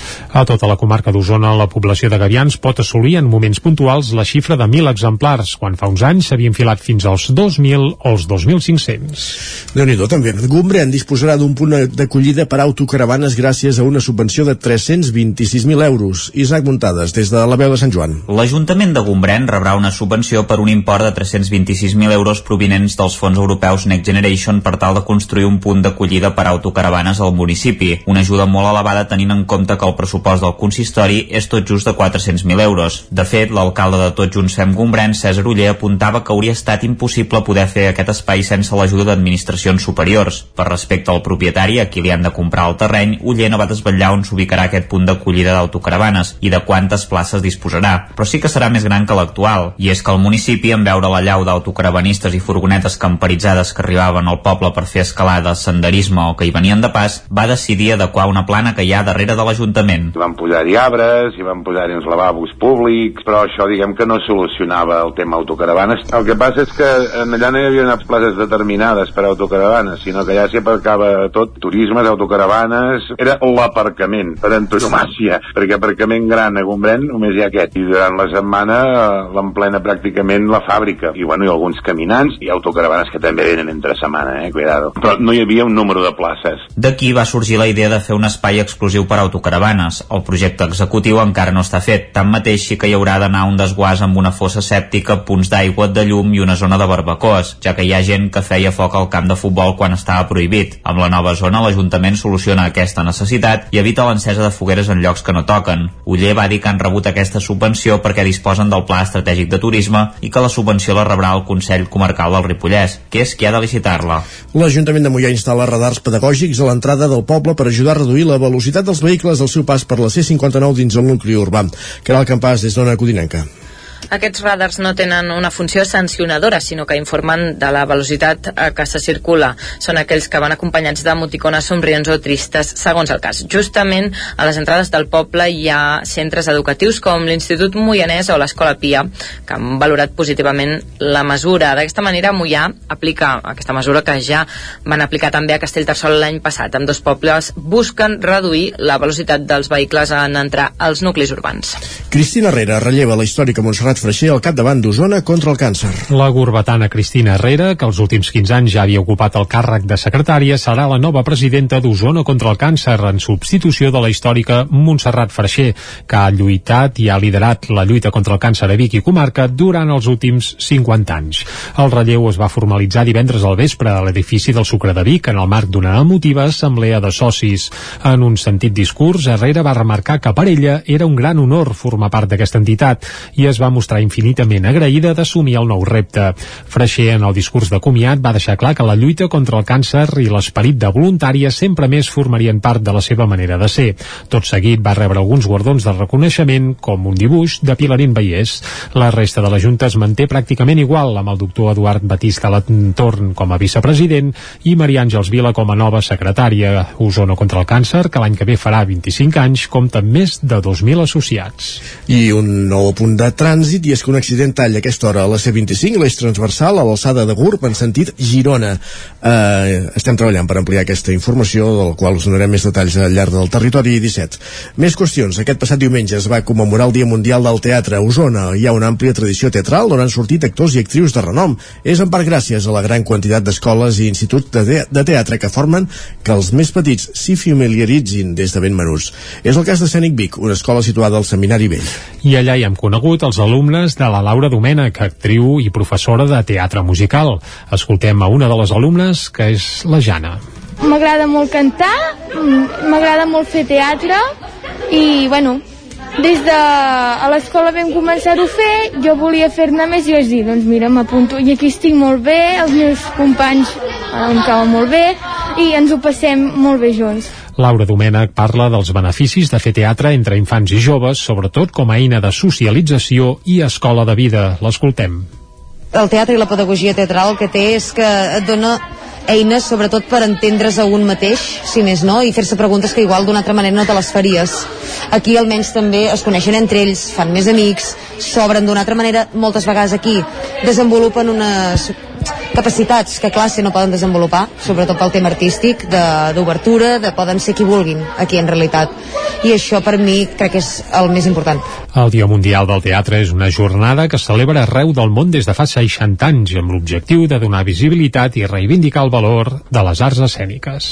Esports. I a la pàgina esportiva expliquem que en futbol el Palau Tordera femení comença la fase d'ascens amb una victòria al camp del Porqueres. Lídia González, Júlia Catot i Anna Otero van ser les golejadores de l'equip palauenc. Núria Lázaro, des de Ràdio Televisió, Cardedeu.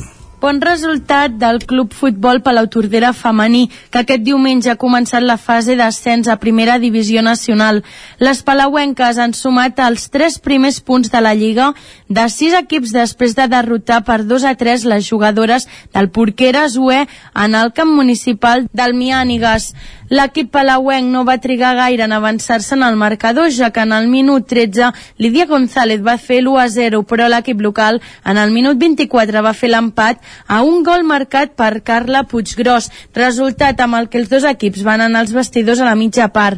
Les jugadores que entrena Carlos Segura a la segona part van sortir disposades a solucionar el partit i als 5 minuts de la represa van trobar el premi de l'1 a 2 amb una rematada de Júlia Catot, un resultat que no es va moure fins fins al minut 60 amb el segon empat 2 a 2 de la tarda de les jugadores locals amb un gol de Nàdia Saura.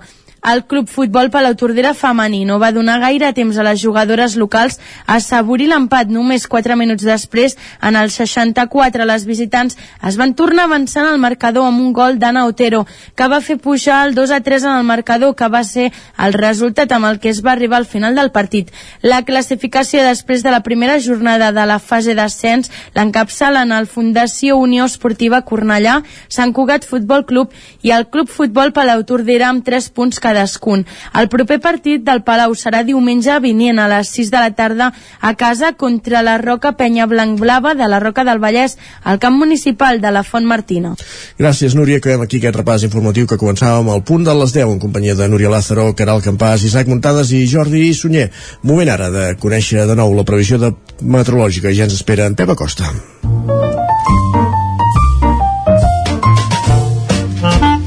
Casa Terradellos us ofereix el temps. Exacte, a primera hora ja l'hem saludat i ara hi tornarem perquè ens actualitzi el temps que ens espera, sobretot per les properes hores. Ens hem llevat avui força remullats arreu del territori 17 i sabrem de seguida si això va per llarg o no. Pep, molt bon dia. Hola, molt bon dia. Uh, pel que fa a l'estat del cel avui uh, serà un dia molt ennubulat uh, amb pluja uh, poques, poquíssimes, gens estones de sol, eh, un dia humit, un dia fresc, en definitiva, que mm, gens primaveral, eh, serà eh, força, força hivernal el dia d'avui, i és que les temperatures baixaran una mica. Eh, comencen a canviar els vents, encara tenim una mica de vents de sud, de, de sud-est, però estan girant a nord, aniran girant a nord el dia d'avui, i sobretot ja de cara a demà i la temperatura baixarà. Les màximes, la majoria, entre els 10 i els 15 graus. Avui torno a insistir, torno a dir aquesta poca oscil·lació tèrmica entre el dia i la nit, que serà molt, molt poca. En alguns llocs només 4 o 5 graus la diferència entre les màximes i les mínimes. Anirà plovent i a la tarda aquesta pluja s'intensificarà, sobretot a les zones de muntanya, Guilleries, Montseny i el Pirineu. Jo crec que al llarg del dia d'avui eh, podem superar els 40, 40 litres en alguna zona d'aquestes, del, del Montseny, Guilleries i, i Pirineu, i a les restes de les poblacions, eh, les poblacions poden gustar entre els 10 als 20, 30 litres a tot estirar. Uh, bona notícia, es va incrementant aquesta pluja, va incrementant el cabal dels rius, els, els, els llacs, uh, els, els pantans, i la sequera superficial va desapareixent i com deia, un dia fresc, atenció a la cota de neu, que s'està a uns 1.600 metres, anirà baixant i es situarà a la tarda a uns 1.500-1.400 metres. A dalt de tot transversal, també pot nevar, fins i tot als sis més alts de les Guilleries també pot caure alguna, alguna nevada, i sobretot amb un seny i el Pirineu nevarà moderadament durant tot el dia d'avui. I això és tot, eh, disfrutar del dia, un dia, com dèiem, molt gris, amb pluja i amb les temperatures que aniran baixant mm -hmm. a poc a poc. Moltes gràcies, fins demà. Fins demà, Adéu. tu. Vinga, s'acosta aigua i més fred, a més a més. Doncs vinga, uh, abrigar-nos Doncs i aixoplugar-nos. Això farem, vinga, paraigües, uh, paraigües, doncs uh, anem Cap a cap a l'entrevista, vinga. Casa Tarradellas us ha ofert aquest espai. Territori 17. Envia'ns les teves notes de veu per WhatsApp al 646 079 023. 646 079 023. WhatsApp Territori 17.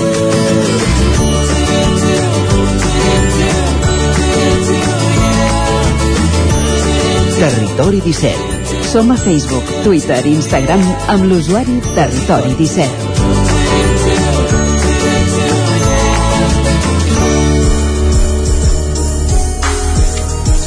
Un quart d'onze al territori 17. Camins de Bruixes és una de les propostes que l'empresa calderina de turisme cultural Cultur i el Museu Termal hi organitzen en dates destacades com la Festa de l'Escaldàrium al juliol o per la Festa Major. Aquest cap de setmana, però, hi ha hagut una nova edició d'aquesta proposta, que era el Campàs, des d'Ona Codinenca. Bon dia. Bon dia, sí, amb Camins de Bruixes doncs, eh, aquest cap de setmana han pogut, s'han pogut recórrer els diferents espais de la Vila Termal que van ser escenari al segle XVII, fa 400 anys, de la condemna de 17 dones acusades injustament mm, de bruixeria 13 de les quals, per cert, van ser penjades. Eh, I per conèixer més detalls d'aquesta proposta i de com va anar l'edició d'aquest cap de setmana, parlem amb Ricard Jiménez, un dels impulsors. Bon dia, Ricard. Hola, bon dia. Uh, primer, volíem preguntar com, com va anar la, la ruta, perquè era un format teatralitzat, oi? Una, un format que ja havíeu fet altres vegades. Doncs sí, va, va anar molt bé la ruta. És un format que ja vam assajar, diguéssim, a, al novembre passat, amb a, les jornades sobre les bruixes que es fan a, a Caldes, el Junta Bruixes, que enguany aquella va ser la, la primera edició, i doncs, eh, com portem ja diversos anys fent eh, aquesta ruta, vam tenir la, la iniciativa de teatralitzar-la, no? de moment amb, amb dues actrius, i doncs eh, veient la- l'acollida que, que ha tingut de moment en les dues ocasions que l'hem feta, eh, potser aquesta tardor valorarem en, en bueno, canviar una mica també a, a una mica el guió i potser introduir algun personatge nou. Uh -huh. Per què aquesta aposta per la teatralització és la forma més efectiva de- d'explicar aquesta història, de recuperar aquesta història de les bruixes? Sí, jo, eh, jo penso que sí. Ens vam asseure a valorar doncs, a, que portem ja des del 2017 fent la, el Camins de Bruixes, eh, amb algunes variacions no, de recorregut o, o argumentals a, mesura que anem trobant més informació i vam, vam valorar doncs, que la gent moltes vegades venia en família no? eh, que era una ruta que quan explicàvem només eh, jo i el Jordi Plans doncs, podia acabar resultant molt tètrica no? pel, pel, perquè a veure, els fets són, són greus i no, no és una ruta pensada des d'un punt de vista familiar, no? perquè la, la, la història és així de crua uh -huh. i així és com l'explicàvem.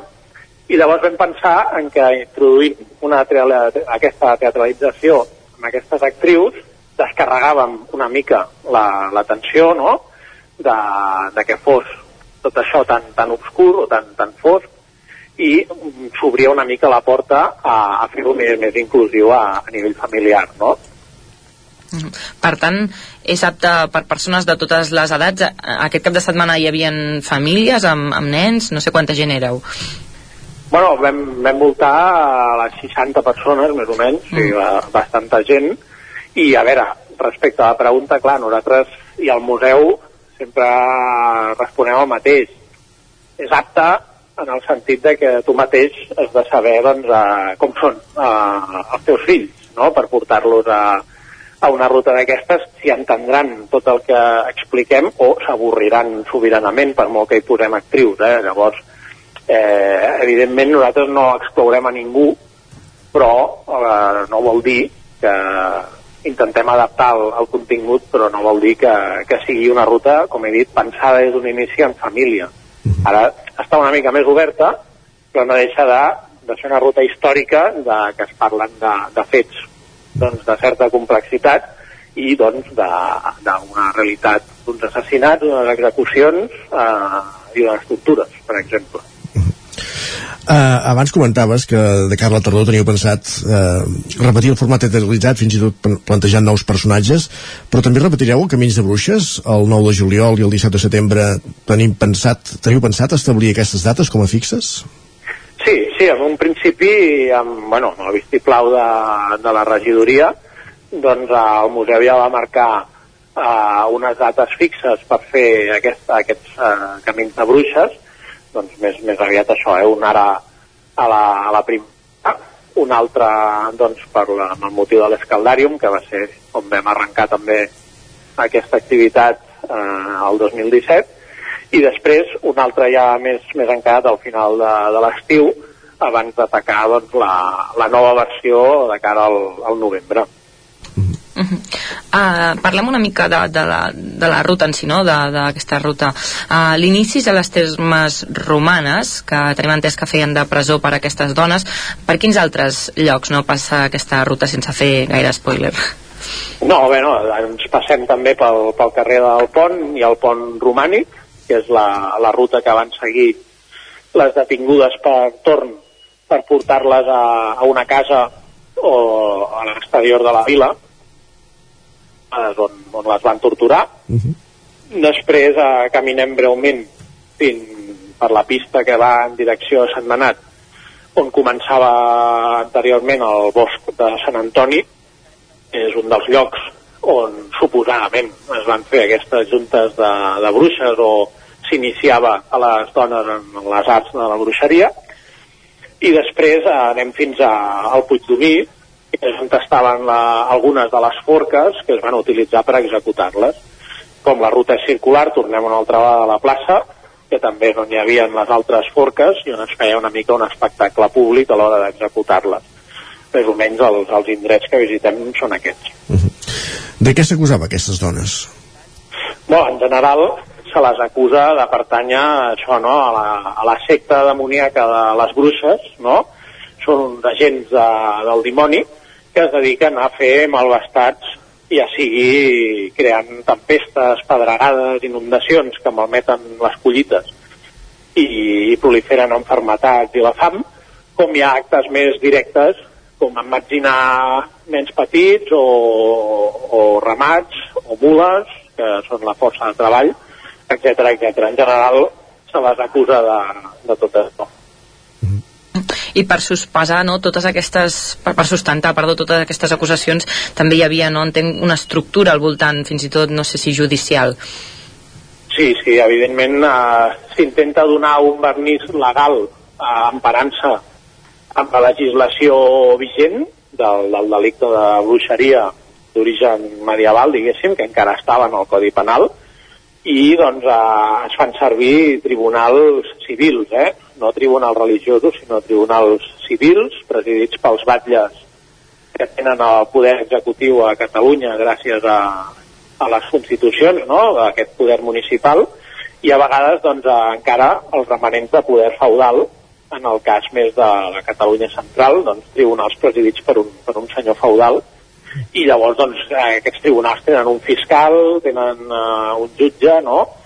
I, I el que passa és que es deforma tot el, el codi penal tot, i el dret a la defensa de les acusades i sobretot també el dret a la tortura que tenen les autoritats en alguns casos concrets, tot això es manipula i es deforma per generar doncs, en lloc d'un judici doncs, una paròdia amb, qua- amb la qual condemnar-les eh, i sentenciar-les a mort com aquell qui diu per una mera formalitat. Perquè al final en el punt de que ja es detenen pràcticament estan sentenciades la majoria Paral·lelament a les posades en escenes, a explicar la història, eh, aneu fent recerca sobre, sobre aquests fets. A les últimes ju- ju- Junta Bruixes, les jornades que feu cada any per parlar dels processos de bruixeria del segle XVII, apuntàveu alguns descobriments que heu fet, que algunes de les dones van ser penjades, que van ser penjades eren vídues i franceses, i també l'existència d'un home jutjat per bruixeria. Ho heu pogut confirmar? Amb què, amb què esteu treballant ara en l'àmbit de la recerca, per entendre'ns? Bé, uh, de fet, sí, teníem els indicis de que hi havia un, un home detingut uh, acusat de, de bruixeria també. S'ha de dir que en el cas de la bruixeria a Catalunya en el segle XVII la majoria de les condemnades són dones, però també hi ha un escàs 10% aproximadament que són homes, eh? també. Llavors, eh, aquest home, eh, en principi, creiem que és familiar d'una de, de les executades i, i d'una altra de les processades que al final es va, es va salvar. I de moment doncs, no tenim més indicis de, en aquesta via, perquè costa una mica anar estirant els fils eh, combinant diversos arxius. En el sentit de la recerca, doncs seguim encara estirant els fils de, que ens vam proposar ja fa, fa gairebé dos anys, de saber més coses sobre aquestes dones. No, ara tenim més o menys una idea general de com va anar el procés, el judici, l'execució i, i com fins i tot com afecta això a altres processos de, de tot el Vallès i ara doncs, hem atacat una mica la línia de saber més coses d'elles. No? Per exemple, ja vam explicar a la, al novembre passat doncs això, no? que havíem trobat que no només hi havia una, una francesa, una immigrant francesa, sinó que hi havia més, i altres aspectes que vam, que vam desvelar sobre aquestes dones. No? I seguim una mica en aquest sentit. Mm. Per acabar breument, eh, volia preguntar-te també quin és no, l'objectiu d'aquests camins de bruixes? Potser treure no, de l'oblit aquests processos que hi va haver? Sí, a veure, la, la ruta sempre ha tingut eh, com a objectiu acostar a, a la ciutadania, no?, a retornar aquest patrimoni immaterial de, dels actes del procés de bruixeria per, eh, bé, perquè tothom sigui conscient d'aquest episodi, a part d'altres que tingui la, la memòria doncs, calderina i catalana en general, de- d'un episodi fosc i que s'ha de reivindicar com la memòria també d'aquestes dones executades d'aquesta manera tan, tan crua i tan injusta doncs per adquirir aquests, aquests coneixements. No direm el tòpic de no, que no es torni a repetir, avui en dia és difícil que, la, que s'executin d'aquesta manera, però en la història de gènere i en la societat actual creiem que tot això es pot posar en un context i emmirallar-se amb, amb fets bastant, bastant actuals de la societat i de la història de les dones. Llavors, per això apostem per aquesta difusió. Gràcies, Ricard Jiménez, impulsor de Camins de Bruixes per ser avui al Territori 17. Bon dia. Moltes gràcies, bon dia. El nou FM, la ràdio de casa, al 92.8. Ja tens la teva disfressa? Carnestoltes a Manli. Vine i demana'ns la disfressa que vulguis. Trobaràs un món de fantasia en disfresses i complements per al Carnestoltes. Hi ha uns preus especials. Som al carrer Ramon Soler, número de Vic, i també ens trobareu a manli.cat. Fem de la festa una bogeria. Una bogeria. Estàs afectat pel càrtel dels cotxes? Si vas comprar un cotxe entre el 2006 i el 2013, pots recuperar fins a un 15% del preu de compra. Contacta amb Puig de Canet Advocats i et tramitarem la reclamació en col·laboració amb Redi Advocats, un despatx d'abast estatal amb més de 40.000 afectats, sense pagaments, sense riscos i sense judicis. Només cobrem si tu cobres. Truca al 93 883 3223. Cobertes serveis funeraris. Els nostres tanatoris estan ubicats en els nuclis urbans més poblats de la comarca d'Osona per oferir un millor servei.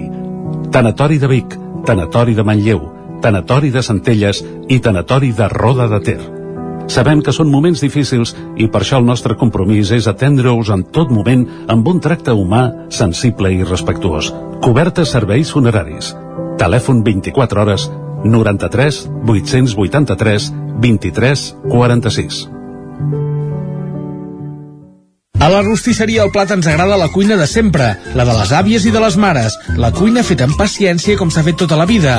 Vine a provar els nostres canelons gruixuts o els croquetons, les nostres croquetes de 80 grams, i recupera el gust del pollastre a com els que es menjaven abans. Ah, i aprofita fins a finals de febrer 20% de descompte en els canelons i el pollastre. Rostisseria El Plat, encàrrecs fins a les 12 del migdia i servei a domicili. Ens trobaràs de dijous a diumenge al carrer Església número 6 de Taradell o al 93 135 58 85. Vols aprendre anglès i viure una experiència inoblidable? Estades per a joves a Irlanda, classes d'anglès i un munt d'activitats, allotjats en família o en residència i convivint sempre amb joves d'altres països.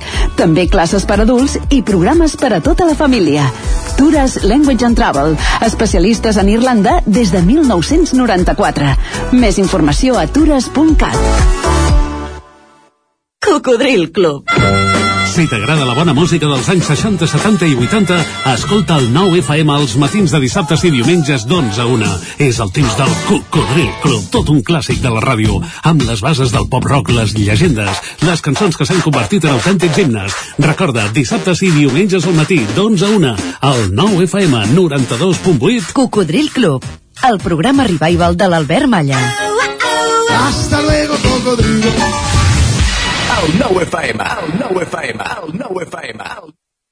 Ara mateix, al territori 17, en punt, dos quarts d'onze.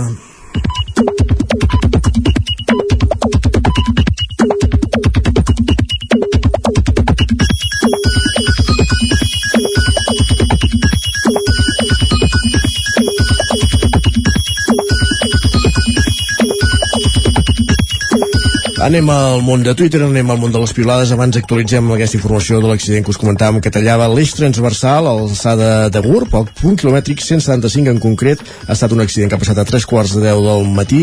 Amb, hi hauria dos vehicles implicats, per sort sense afectacions greus entre els conductors i, i ocupants d'aquests vehicles.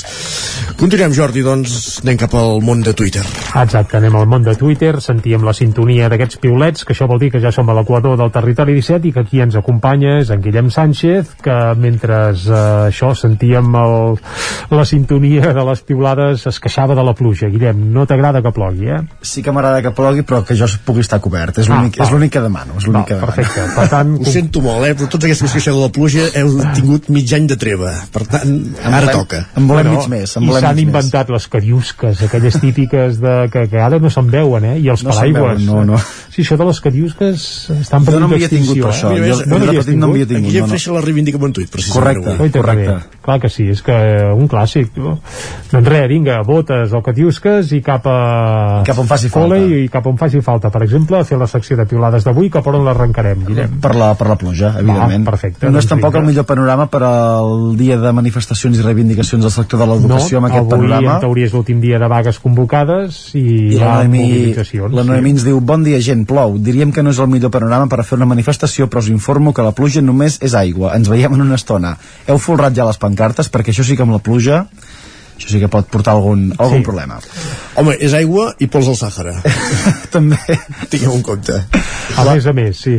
La Dana posa per escrit el que molts pensem, ens diu no hi ha res més relaxant que anar-se'n a dormir amb el soroll de pluja de fons. Que romàntic i que, I tant, i, i que és cert, bucòlic. és cert, sí, sí. I no sé què en penseu de la proposta que ens fa la Glòria, que ens diu opino que els dies de pluja hauríem d'anul·lar totes les activitats acadèmiques i laborals. Home, doncs no, en desacord total on s'has vist. No? Penseu que a Finlàndia viuen tot l'any amb neu, eh? Vull dir que ja... Però és diferent, és diferent, Isaac, és diferent. Oh. I aquí, abans que plovia més, uh, més dies, vull dir, bàsicament, perquè ens han dit els meteoròlegs que ploure, plou si fa no fa el mateix de, de, de sempre, però abans estava més ben repartit això, i escolta, la vida continua.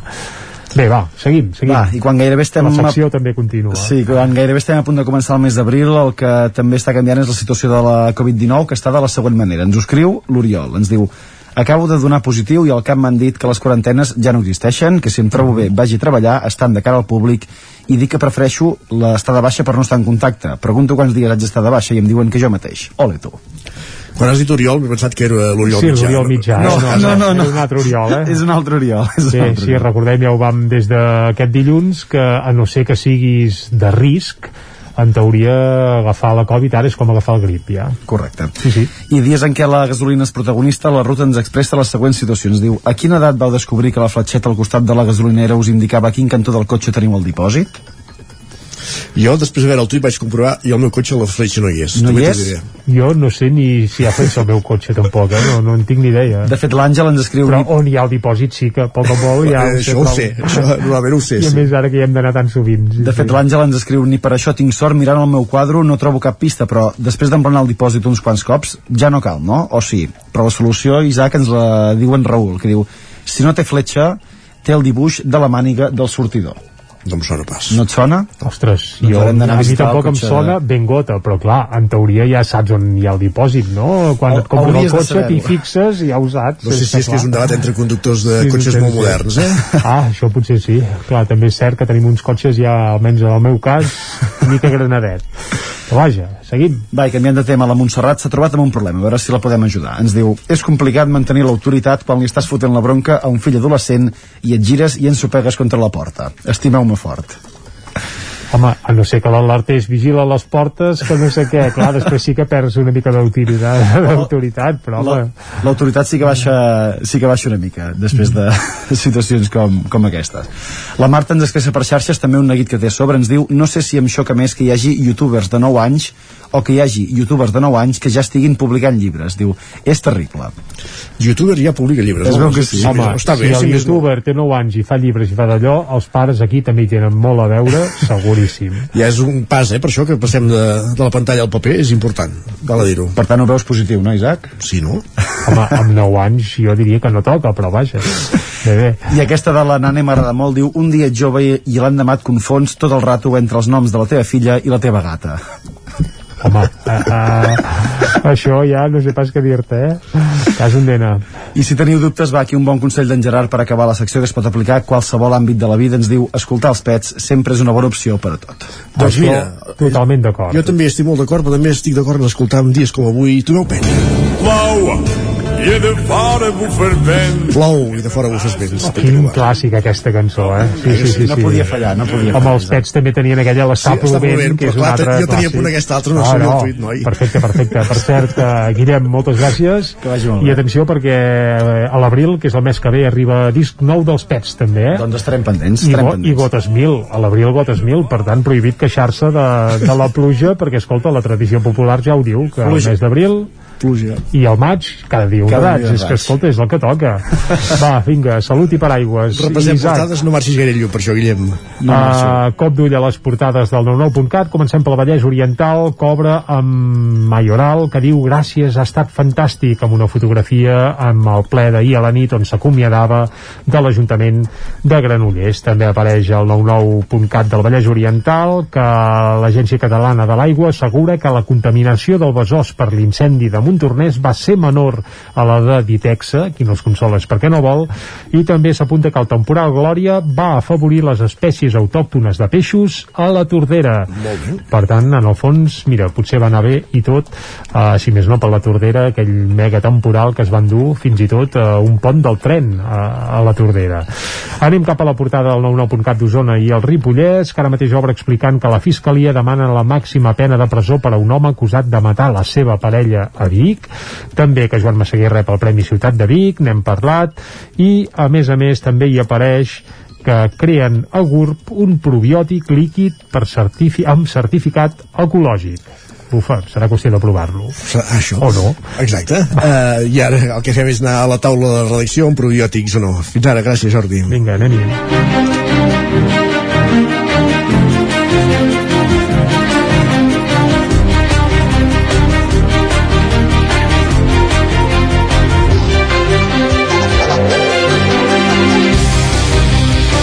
A la taula de redacció avui en companyia d'en Guillem Sánchez i la Txell Vilamala. Comencem amb tu, Guillem, parlant d'una depuradora que s'ha posat en marxa eh, al polígon del Bruguer de Vic, però que és una depuradora d'una empresa privada, en aquest cas del Grup Vinyes, una empresa dedicada a la producció de vedella ecològica, de carn de vedella ecològica, no, perdó, a la producció de, de vedella, de carn de boví, també d'ecològica, però no només, i que havia quedat obsoleta la depuradora que tenien abans eh, adjuntada al, a l'escorxador a l'illa càrnica i el que han hagut de fer és fer una depuradora nova i a 700 metres de distància com dèiem al polígon del Bruguer Sí, de fet, ahir Isaac es va fer aquesta presentació d'aquesta nova planta depuradora amb una completa explicació a la seu del grup i també una visita posterior a les mateixes instal·lacions que, com deies, es troben aquests 700 metres del mateix escorxador. De fet, això ha requerit la construcció d'una rasa que uneix aquests dos punts per tal de traslladar les aigües residuals de l'escorxador cap a la depuradora. Eh, Aquesta depuradora consta d'una tecnologia que permet un tractament complet de les aigües, un tractament físic, químic,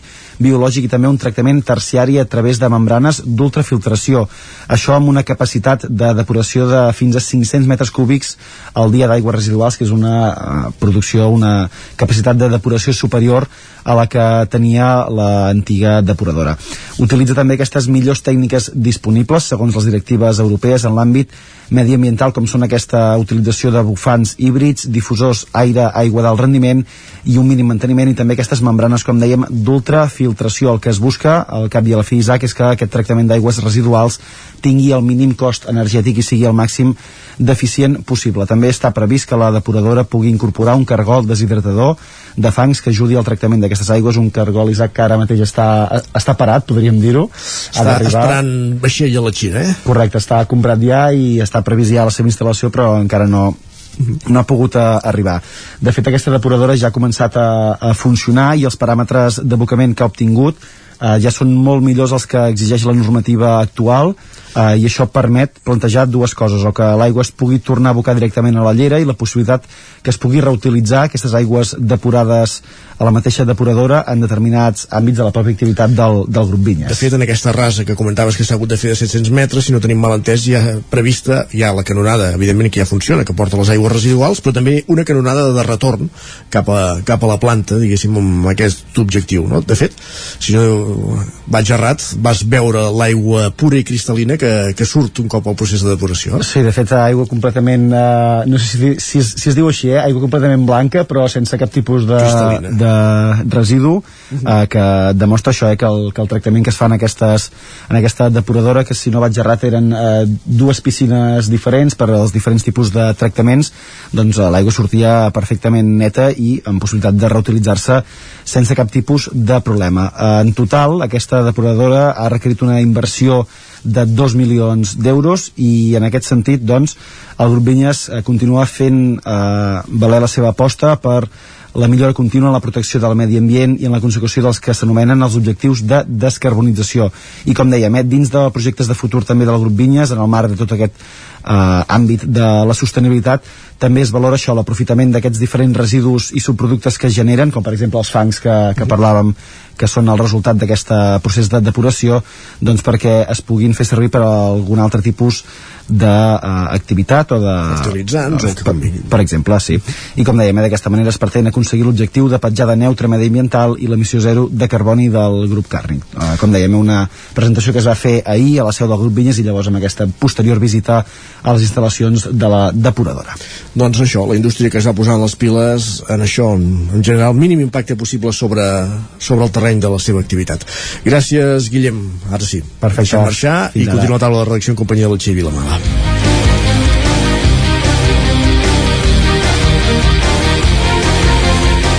I en la, la Txell Vilamala, com dèiem, el que fem a la taula de redacció és parlar del ple de Manlleu que se celebrava aquest dimarts al vespre, en sessió ordinària.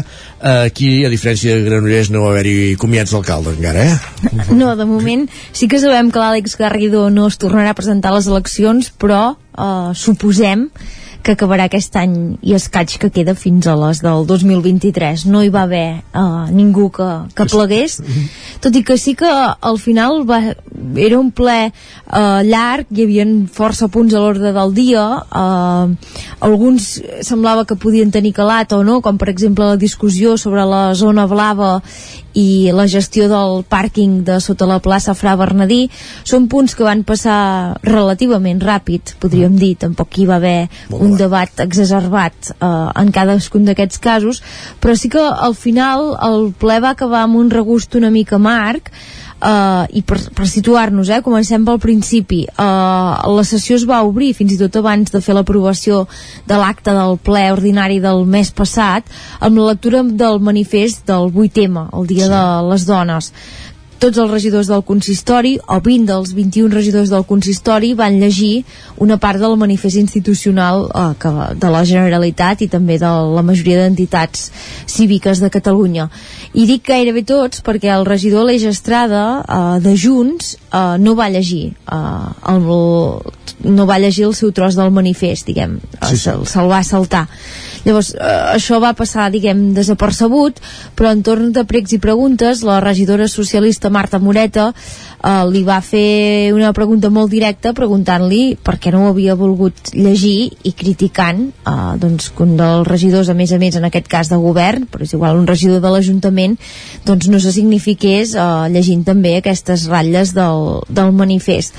L'Aleix Estrada, eh, a l'hora de justificar-ho, ell va dir que el, el text els hi havien passat el mateix dia, que no havia tingut temps de valorar-lo prou a fons eh, per saber quina opinió en tenia i que en qualsevol cas ell, ell deia que eh, no és militant feminista, no és un activista feminista eh, i que li semblava que era hipòcrita si ell no fa cap sacrifici per la causa doncs plantar-se al ple i posar-se a llegir una part d'aquest text Uh, això va fer que la senyora Marta Moreta li, torna, li tornés a contestar criticant molt directament aquesta posició i llavors també van agafar el torn de paraula tant la regidora Eva Font d'Esquerra, que serà l'alcaldable d'Esquerra Republicana l'any 2023, com la regidora de la CUP Mayra Costa recriminant-li que no s'hagués volgut sumar a la lectura del manifest. I per exemple la, la senyora Costa li deia això que, que el feminisme eh, no va només de tenir i pagar la quota d'una associació, sinó que al final és fer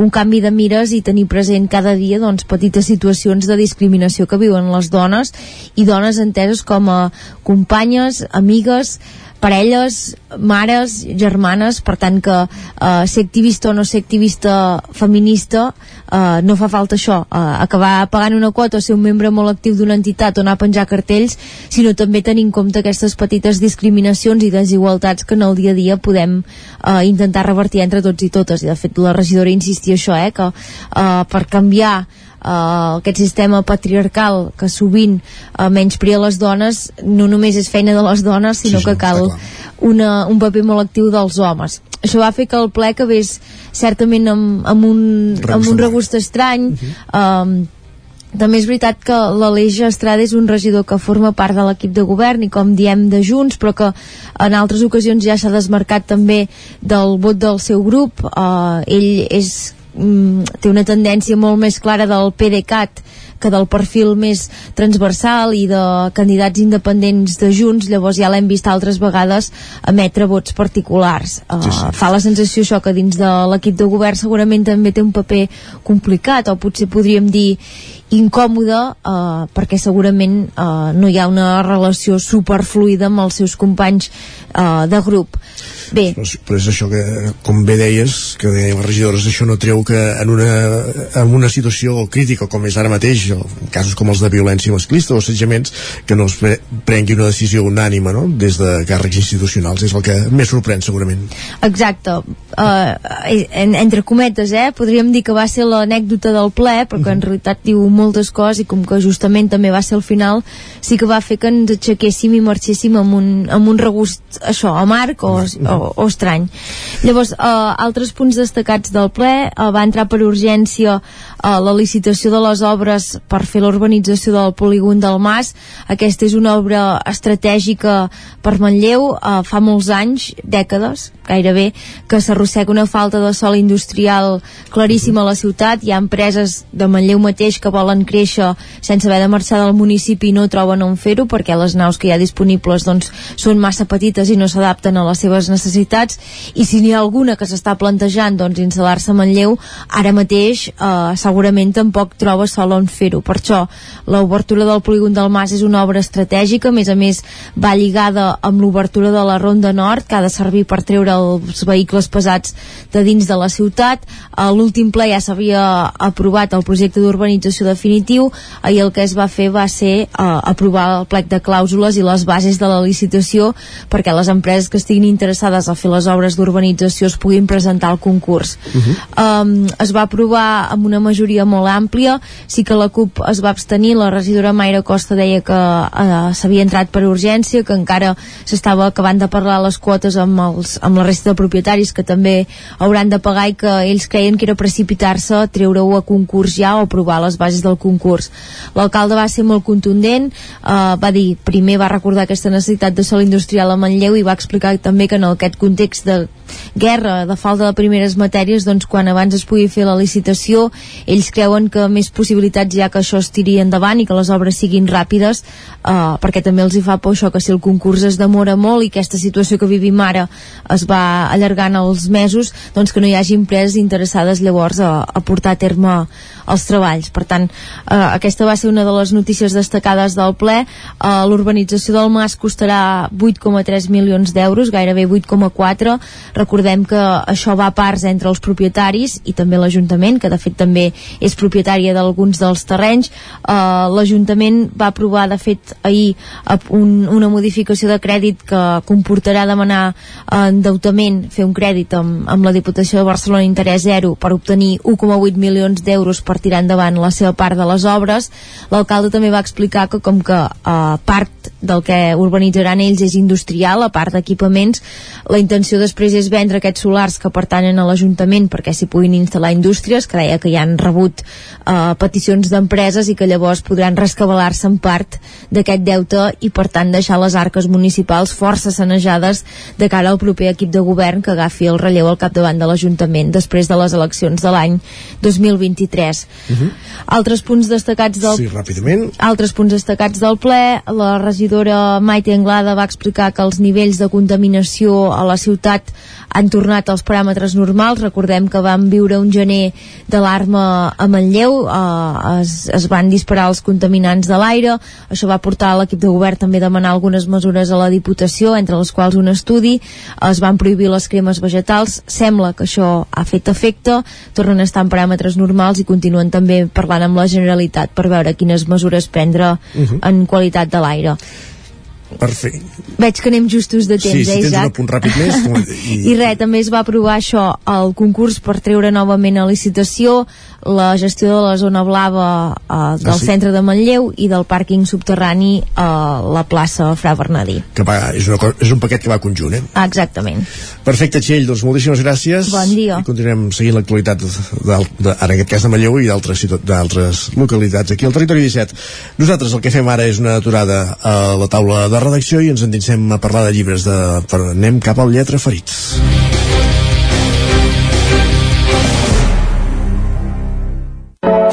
Territori 17, el 9 FM, la veu de Sant Joan, Ona Codinenca, Ràdio Cardedeu, Territori 17.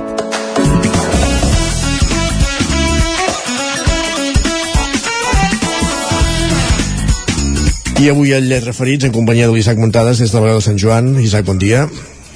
Bon dia, Isaac. Parlem doncs mireu, No, dir, parlem d'aquest llibre, eh? Dos pams del cel, diari d'una superació.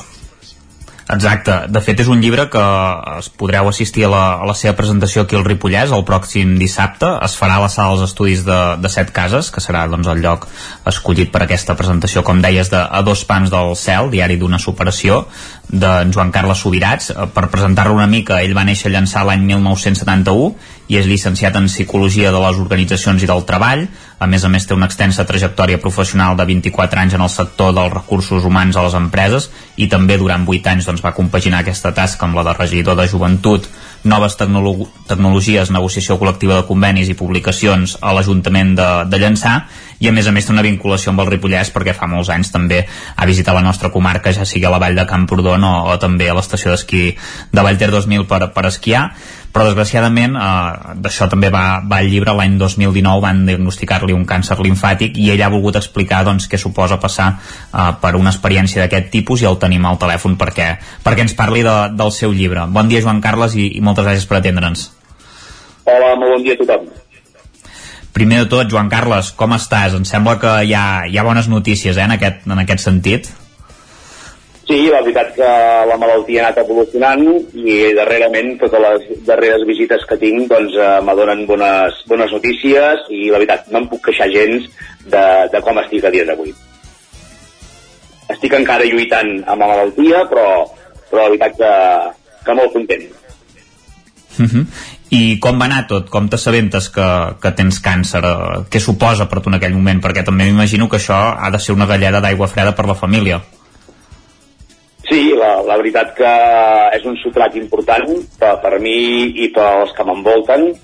I bueno, un s'assabenta, doncs mira, concretament me van donar el diagnòstic un 3 de gener, de, tal com deies al principi, el 2019, que per començar l'any, eh, déu nhi però sí que és veritat que m'assabento que després de moltes setmanes de proves analítiques i molt de, de neguit, eh, a conseqüència que un dia doncs, eh, un s'aixeca i quan es va afaitar es nota un bony en el coll i bueno, eh, un comença a fer les, les proves i s'encenen les llums d'alarma i un ja s'espera doncs, que passaria alguna cosa gens agradable, no?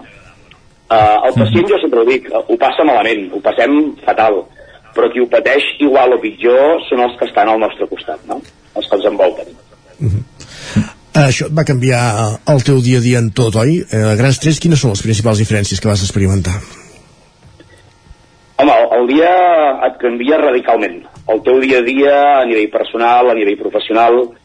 Uh, compte que vaig, vaig canviar el meu dia a dia de, de, de passar a fer visites uh, constantment uh, per oferir els serveis a les empreses dins del món de recursos humans a fer unes visites mèdiques als hospitals, proves, quan un no està acostumat, no? I, i, les, i el, el, el dia et permet uh, reflexionar i quan et trobes en aquesta situació eh, està clar que, que, que abans donaves unes prioritats a altres coses, eh, quan et diagnostiquen una malaltia d'aquest tipus tot canvia, i tinc molt clar, cal viure intensament el present, ja que els moments eh, són, són únics. I això et passa doncs, quan un pateix una malaltia d'aquest tipus. I com se t'ha la idea de fer un llibre? Tu ets psicòleg, és com una mena de teràpia per treure les inquietuds, les pors, per plasmar vivències? D'on surt la, la iniciativa de fer el llibre? Uh, tot un perquè en aquesta vida. I la veritat que uh, jo vaig iniciar això sent un diari personal, uh -huh. íntim, emotiu, familiar, en el que pensava que això només seria per la meva filla, per la meva dona, pels meus pares, per la meva família. Uh, el que passa que succeeix un parell de, de coses, la meva dona comença a fullejar unes quantes pàgines i me deixa anar uh, Joan Carles, per què no, no fas un llibre? i, i jo li vaig dir d'entrada deixa't de romansos no, no, no estava previst anar en aquesta línia. I casualment al cap de tres dies eh, un va fer la tercera sessió de quimioteràpia a l'Hospital Trueta i em vaig trobar en una situació excepcional, no s'ha tornat a, a repetir, i és que en el taulell, abans d'entrar a la sala per fer la sessió de quimio, doncs hi havia un llibre a la venda en el que posava eh, que un euro de cada llibre venut aniria destinat a la Fundació Concolliga Girona. I vaig lligar el missatge de la meva dona, que és una gran lectora i, i, i, i llegeix molts de llibres, juntament amb aquesta causa social que podia tindre el llibre, i va ser el, el pas eh, i el motiu pel qual vaig fer el pas de fer-ho públic. Mm -hmm. Precisament ara que comentes això, si vols en, en podem parlar, perquè la Fundació Oncolliga de Girona també és una de les entitats que més se n'ha beneficiat. No sé si eh, ha recollit bastants diners, no?, fins ara. Bueno, un, un quan treu aquesta iniciativa, la veritat, i siguent molt, molt humil i sincer, eh, pensa que al finalitzar l'exercici doncs eh, donaré quatre calarons a la Fundació Oncolliga. Mai hagués imaginat doncs, estar en el punt en què ens trobem avui. De fet, eh, ahir mateix va sortir publicat en premsa, en el diari de Girona i en altres mitjans de premsa, eh, que acabo de donar, de fer entrega del segon donatiu a la Fundació Oncolliga Girona, de un, per un import de 1.050 euros, igual quantitat que la primera donació que vaig fer, eh, ja fa uns mesos enrere, el 2021, quan encara no fa ni un any que ha sortit a, a, a la llum, no, el llibre, eh, ara a l'abril farà l'any. Llavors, en total portem 2.100 euros eh, entregats com a donatiu i sempre ho dic, eh, gràcies als lectors que han fet confiança al llibre i que, bueno, eh, òbviament, la iniciativa és una, però si no fos per, per les compres que s'han realitzat, doncs no, no estaríem en aquest punt el, el llibre ho has comentat, Joan Carles, que és com una espècie de, de diari que relates una mica el dia a dia. És aquesta l'estructura i eh, també hi ha com, com alguns capítols. Com, com, com s'estructura exactament? Perquè també el títol eh, està triat eh, amb això que comentaves, eh, a dos pams del cel, que realment eh, alguns moments van ser, van ser difícils. Sí, sí, sí, la, la veritat que la, la vida et, et porta camins difícils, i el títol del llibre va encaminat en aquí.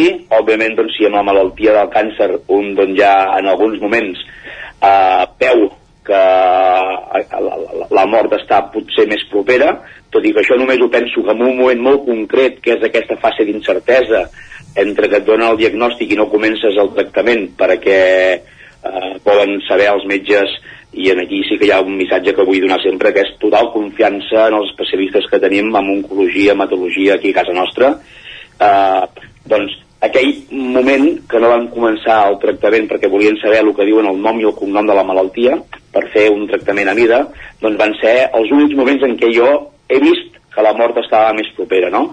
Però si no en tenia prou amb això, doncs després també agafo el Covid dels nassos i també vaig estar molt, molt, molt, molt, molt enllà, no? Uh el, capit, el llibre, deies dels capítols, uh, està estructurat en 24 capítols i jo sempre dic que aquest llibre aconsegueix presentar un bon retrat d'una forma d'afrontar i anar superant entrebancs constantment com em trobo que en les diferents etapes que presenta la malaltia com és el càncer i tot això succeeix, com deia, eh, coincidint amb l'arribada d'una època pandèmica marcada pel Covid tot i així, eh, en el llibre doncs, podem trobar molts de missatges de, de com afrontar les situacions amb positivisme i una qüestió que jo dic que és clau sempre, no? pels que hem patit la malaltia o, o, o, o aquelles persones que pateixen altres malalties que també són greus, no? I és que l'acceptació de la malaltia és clau, igual que el positivisme per afrontar la situació. T'ho facilita tot una mica més, no? Hi ha una anècdota molt curiosa que vincula la publicació del llibre i la gastronomia. Ens la pots explicar? Sí, la veritat, la veritat que és, és curiós perquè, bueno, igual que dic que el llibre et pots trobar-te tot això que deia ara, doncs en el llibre també eh, el lector, quan s'introdueix en la lectura, es pot trobar reflexions, missatges, entorn de l'Empordà, els camins de ronda, perquè un, encara que estigui fotut, doncs el seu dia a dia és anar a passejar i, i, i, i rondar pel poble i per la comarca, però també eh, hi ha moments emotius, òbviament, però també experiències còmiques i divertides. I lligant amb el que comentes tu, eh, també, òbviament, apareixen la, les aficions d'un. I una de, de les que jo menciono que en diverses ocasions és que, bueno, a un li agrada menjar bé, tot i que vaig canviar radicalment la dieta durant aquella etapa, uh -huh. i, i, i, i apareix molt la gastronomia. Tant quan jo faig alguns plats, però també quan un es troba bé i li, do, i li diu a la seva dona, carinyo, va, aquest diumenge anem a, a menjar de restaurant. Bueno, l'anècdota que comentaves deu ser referida a lo que en les darreres presentacions, presentacions disculpa, eh, ha aparegut el que la gent ja comença a fer la ruta gastronòmica dos pans del cel. És molt curiós, eh, qui m'ho havia de dir, no? I és que, bueno, en el, en el llibre apareixen una desena, més o menys, de, de restaurants, de comarques gironines, sí. de, tot, de tot tipus, per tot tipus de butxaques també, i, bueno, i m'he trobat doncs, que la gent comença a anar a un restaurant, a un altre, a descobrir llocs que desconeixen, i els propietaris d'algun d'aquests restaurants m'ho diuen, no? Joan Carles, tu, n'ha vingut un premi més eh, a conseqüència de dos pams del cel. I òbviament és, és curiós i sorprenent, sí. Potser, potser acabaràs fent de crític gastronòmic, eh? Fora, fora bromes, eh, el, el llibre ha estat un èxit, eh, no, no sé quantes edicions porta i, i si el podem, el podem trobar, eh? Evidentment, encara, eh? Sí, sí, sí. De fet, eh, anem per la quarta edició i ara fa uns 3-4 mesos eh, vam fer la versió en castellà, que es titula A les puertas del cielo, i la veritat, a dia d'avui es pot trobar a totes les llibreries eh, de, de, de, de Catalunya. Uh -huh. uh, L'editorial és Brau Edicions i si algú no trobés uh, la, la, el, el llibre en el que és les llibreries en qüestió més properes en ells es pot uh, fer la, la petició i en pocs dies doncs, uh, està a la seva disposició. Uh -huh. I com dèiem, dissabte es presenta set cases i entenc que es continua presentant en altres llocs també, eh? Sí, sí, la veritat que ara sí que portàvem uns mesos sense fer presentacions mm, a conseqüència de la situació pandèmica, pel tema Covid. Vam acabar la última, em sembla que era cap al mes de principis de novembre, però ara, doncs, fins a la Diada de Sant Jordi, tinc la sort de que moltes poblacions van donar confiança i ara, doncs, eh, tal com deies, eh, el dissabte estic a set cases, el dia abans estic a Cabanes, la setmana següent vaig a Puigcerdà i a la Jonquera, passo per Terrassa també, eh, per l'Hospitalet de Llobregat, eh, Portbou, hi ha unes quantes, unes quantes eh, poblacions en les que podré bueno, donar a conèixer el llibre Dos Pams al Cel. A dos pams al cel, diari d'una superació. Joan Carles Subirats, gràcies per ser avui al Lletra Ferits al territori 17 i per afrontar amb aquesta naturalitat un contratemps com, com aquest i per explicar-nos-ho. Gràcies per ser avui amb nosaltres i bon dia. Moltíssimes gràcies a vosaltres. Adéu-siau, bon dia. Bon dia. Gràcies, Isaac, també per acompanyar-nos en aquest Lletra Ferits. Eh, Vosaltres. El territori 17 avança i ens endicem ara a les notícies de les 11. Territori 17, amb Isaac Moreno i Jordi Sunyer.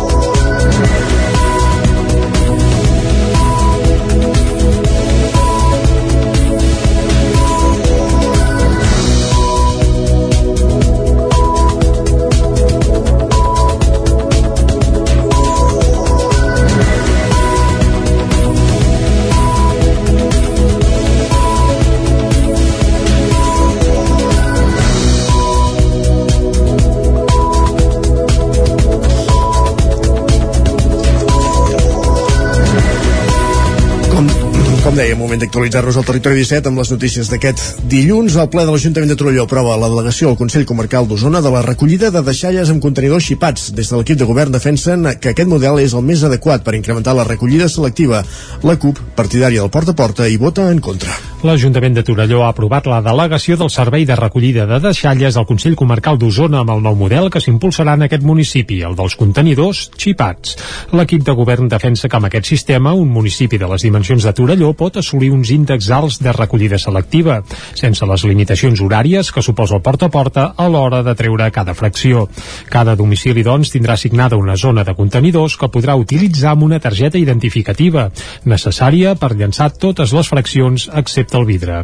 L'objectiu és arribar al 84% de recollida selectiva, quan l'any 2000 es va tancar amb un 57%. Escoltem a Marçal Ortuño, que és l'alcalde de Torelló. És un sistema còmode i amb aquesta comoditat busquem la màxima implicació del ciutadà, la màxima selecció i, en definitiva, la màxima facilitat per aconseguir un rati de selecció ben alt. L'elecció del model de contenidors xipats respon també a la voluntat de posar a Torelló a l'avantguàrdia dels models de recollida. El PSC i Junts per Catalunya van votar a favor de la delegació del Servei de Recollida de Deixalles i també de la deixalleria al Consell Comarcal. La CUP, més partidària del porta a porta, hi va votar en contra, criticant també el cost econòmic dels contenidors xipats. Escoltem a Jordi Casanova de la CUP Torelló Som Poble. Veient que al final serà un servei força més car i sobretot el més important, amb resultats pitjors que el porta a porta, ens reafirma que les nostres posicions que no és el model adequat. I no veiem un problema en que sigui més car, si asseguréssim que fos més eficient, però de moment no és el cas. A la mateixa sessió va tirar endavant una moció de la CUP per crear un pla local de prevenció de residus. A més de la recollida selectiva i el reciclatge, el pla també hauria de posar el focus en la reducció precisament dels residus. Tots els grups hi van donar suport menys el PSC, que es va abstenir. I d'Osona cap al Ripollès perquè l'iquiosc.cat visitarà cinc pobles del Ripollès per dur-hi revistes en català un cop, me, un cop, al, fins al, un cop al mes fins al maig. Isaac Muntades des de la veu de Sant, ja, de Sant Joan, posa'ns llum. Des de l'hivern del 2020, l'Associació de Revistes Periòdiques en Català, l'APEC, va impulsar l'iquiosc.cat en ruta, una iniciativa consistent a portar revistes en català en una autocaravana vintage dels anys 70 per pobles petits d'arreu de Catalunya que no disposin d'un quiosc o una llibreria. L'APEC, que reuneix un centenar d'editors i actualment té 231 revistes i mitjans digitals associats, aquell hivern va visitar una trentena de pobles de la Noguera, l'Alt Urgell, el Pallars Jussà i l'Alt i el Baix Empordà. Ara s'instal·larà en punts cèntrics de poblacions del Ripollès, la Garrotxa i la Cerdanya l'última setmana dels mesos de març, abril i maig. Precisament aquest dimarts a la tarda va fer parada a Llanàs i hi tornarà el dia 26 d'abril i el 24 de maig. A Vilallonga de Ter, al matí i a Sant Pau de Segúries a la tarda i serà els dies 30 de març, 27 d'abril i 25 de maig. Mentre que a Planoles, també matí i a Ribes de Freser a la tarda, hi farà parada el 31 de març, el 28 d'abril i el 26 de maig. La idea de venir diverses vegades és perquè els lectors puguin conèixer les revistes per acabar subscrivint-s'hi. L'autocaravana porta unes 120 revistes en paper i unes 80 de digitals de més de 30 temàtiques diferents i tan conegudes com Sàpiens, Cavall Fort, l'Avenç, Les Garrotges, Serra d'Or o Enderroc, però també n'hi ha moltes més de desconegudes i de gran qualitat. Germà Capdevila és el president de la PEC. Hi ha, per exemple, una revista que es diu Món Medieval, que és de les més reconegudes a nivell europeu sobre història i cultura medieval. Hi ha una revista que es diu Auriga sobre cultura grega i llatina. Hi ha una revista que es diu Artesans, que està dedicada a la ceràmica. Eh, revistes infantils més enllà del Cavall Fort o el Tatano, que les coneixem tothom. Hi ha 5 o 6 capçaleres com Namaka, com eh, Kamakuk, Tiroliro. Bueno, hi ha 10 o 12 capçaleres infantils boníssimes, que quan arriba el quios hi ha molts avis que de seguida es firen perquè veuen que hi ha revistes tan maques i, de, i tan ben fetes pels seus nets. Cap de Vila va apuntar que ara el format paper s'està recuperant perquè la gent està cansada de tenir una pantalla 24 hores al dia els 7 dies a la setmana. A més, el paper permet gaudir molt més de la fotografia. Tot i això, la tecnologia permet solucionar el tema de la distribució i a l'iquios.cat hi ha totes les revistes en format digital que es poden veure per una tarifa plana que no arriba als 10 euros a l'ordinador, al mòbil o a la tauleta. Com que les vendes i la iniciativa funcionen molt bé, ja estan buscant un segon vehicle per ampliar els recorreguts. Més qüestions, gràcies Isaac. Marc Ungós, de Caldes de Montbui, presenta el seu primer llibre aquest dissabte. Es titula La màgia de les motxilles, la màgia de les motxilles, Caral Campàs, des d'Ona Codrienca. Sí, el calderí Marc Ungós, de 36 anys, acaba de debutar com a escriptor novell amb el conte La màgia de les motxilles. Congost presentarà el llibre aquest dissabte al Centre Democràtic. Doncs bé, sí, aquest dissabte 2 d'abril a les 12 estaré presentant el conte infantil La màgia de les motxilles al Centre Ateneu Democràtic i, i Progressista uh, un conte que està inclòs en el recull de, de contes Sueños de Fantasia de l'editorial uh, Diversitat eh, Literària, un llibre que es podrà trobar doncs, a la llibreria a uh, Joc de Paraules de, de Caldes de Montbui aquest llibre de narrativa literària està adreçat al públic infantil i parla d'un grup d'amics que estan acabant el cicle de primària i preparen un viatge. Tracta de dos amics i dos amigues que afronten els últims dies de classe de, de sisè de, de primària preparant un, un viatge de, de final de curs en el que hi haurà moltes aventures i on les motxilles, eh, una de les protagonistes doncs, del, del llibre, faran de les seves per connectar aquests, aquests quatre amics que eh, el lector podrà veure doncs, que tenen una, una connexió i una màgia especial entre, entre ells. El relat s'inclou en el volum Sueños de Fantasia de l'editorial Diversitat Literària i que inclou textos de cinc autors més. Tot plegat s'ha gestat gràcies a una campanya de micromecenatge. Congost compta amb el seu propi despatx d'advocats a Caldes i és advocat. Tot i això, l'escriptura sempre l'ha acompanyat, tot i que fins ara no s'havia decidit a publicar. Esports. Gràcies, Caral. I a la pàgina esportiva us expliquem que la natació artística del Granollers guanya la Copa Catalunya a Lloret de Mar. A la primera jornada van penjar-se l'or en equip tècnic i a la segona jornada en equip lliure. Núria Lázaro, des de Ràdio Televisió, Cardedeu. L'equip de Copa Catalunya del Club Natació Granollers s'ha tornat a imposar el campionat català que va disputar la segona jornada a Lloret de Mar. El passat dissabte la modalitat del campionat era d'equip lliure. El CNG, que va participar en la categoria 3, va aconseguir la medalla d'or proclamant-se campiones de Catalunya, després de sumar un total de 71.232 punts, a més de 5 punts del segon classificat el Joan Palagrí i el tercer el Sena Sabadell. Les de Copa Catalunya sumen així el seu segon podi en competició, la primera jornada amb l'or en equip tècnic i ara un nou or en equip lliure.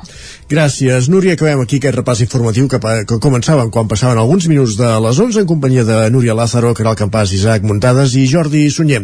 El Territori 17 continua, tot seguit anem cap al territori sostenible. Ja ens esperen Jordi i Givert.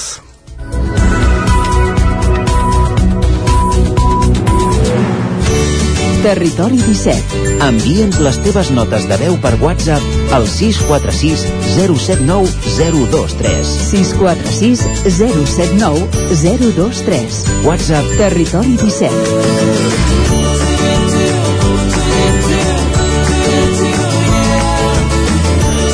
Territori 17. Som a Facebook, Twitter i Instagram amb l'usuari Territori 17.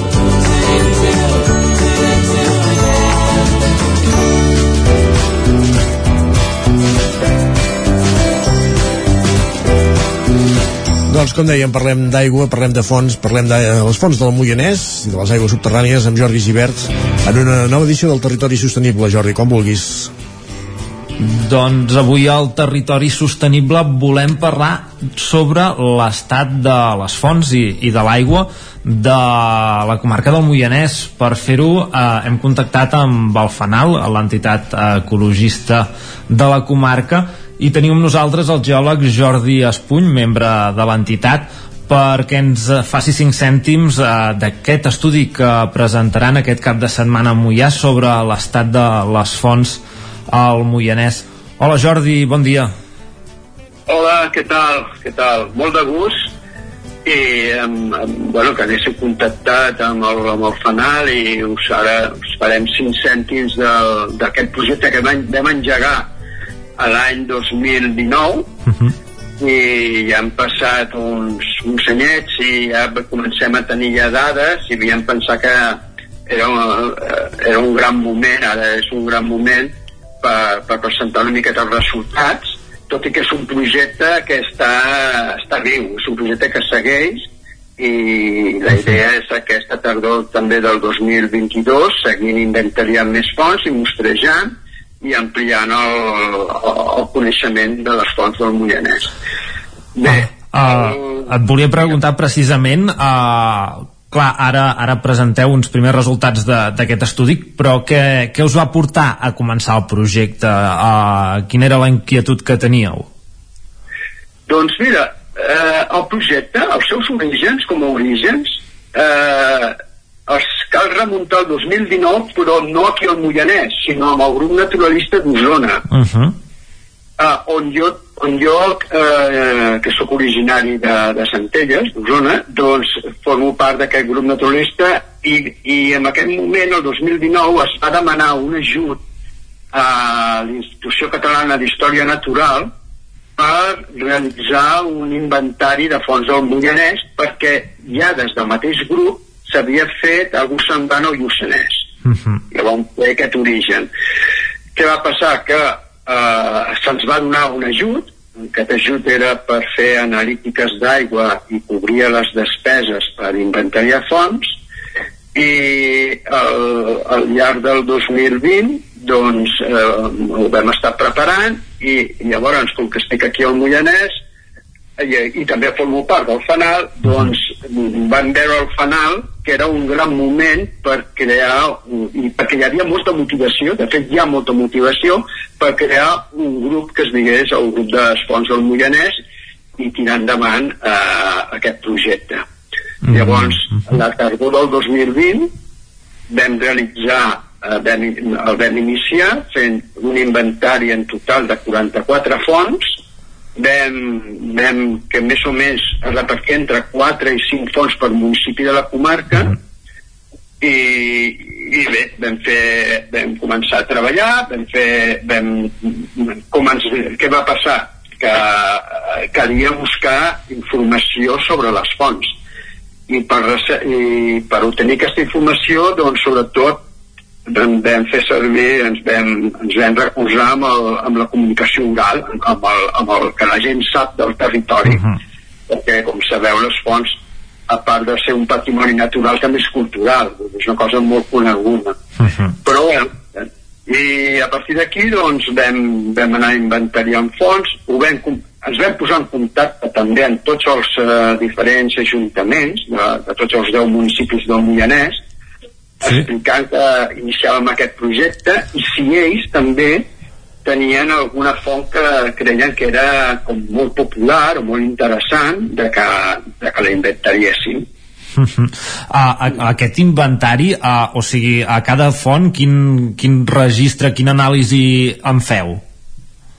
Bueno, nosaltres el que fem és, hem creat una fitxa, una fitxa que diem de fitxa inventari de fonts, i llavors eh, el que fem és recollir amb aquesta fitxa el màxim d'informació sobre la font, és dir, la localització, el, a quin paratge està, eh, mesurem les, mirem les coordenades per localitzar-la bé, aquesta font, després eh, agafem dades de descripció, és dir, com és la font, si és una font que és una surgència purament natural, una 10, una 10, perdó, una 10, o una surgència, o si és una font que està com molt construïda, que està que, diem, que, que, que està en, en, una mateixa construcció. Val. Després, eh, bueno, anem agafant tota informació, Uh -huh. mirem, el, mirem el cabal, és molt important, mirem si la font està eixuta o si raja i quanta, i quanta aigua raja. Bé, Uh, sobre, sobre tema de- d'analítiques de, de, l'aigua que surt de les fonts uh, en feu vosaltres o, o no queda dins de- d'aquest projecte? Bé, el, el, do, el, el 2020, la campanya del 2020, perquè de fet hem fet campanya de tardor 2020 i campanya tardor 2021, les, eh, eh, totes de les 44 fonts que vam fer el 2020, en 37 hi havia aigua, vam trobar aigua. Llavors, eh, vàrem analitzar aquestes aigües i teníem un conveni amb la Universitat de Barcelona i, i a través dels seus laboratoris ens es van analitzar.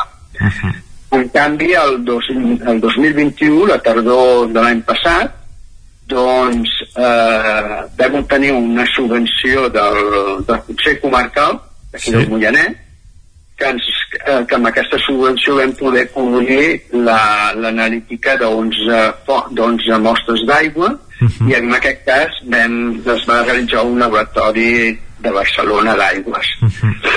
Quina, quina, quines conclusions han, han donat a, a les analítiques a, en, aquesta, en aquestes aigües de les diferents fonts? Hi ha alguna problemàtica a, que, que sigui més preocupant a, o que us ha cridat més l'atenció? Bé, nosaltres les analítiques les hem enfocat eh, bàsicament en, en dues vessants. Una és saber el tipus d'aigua, és a dir, quina aigua tenim, dins de les classificacions de les aigües, si és una aigua bicarbonatada o és una aigua sulfatada o clorurada, o, o, o bueno, senzillament és saber la naturalesa d'aquesta aigua, eh, de la tipologia. I per l'altre cantó ens vam plantejar eh, tenir una radiografia de la situació dels nitrats.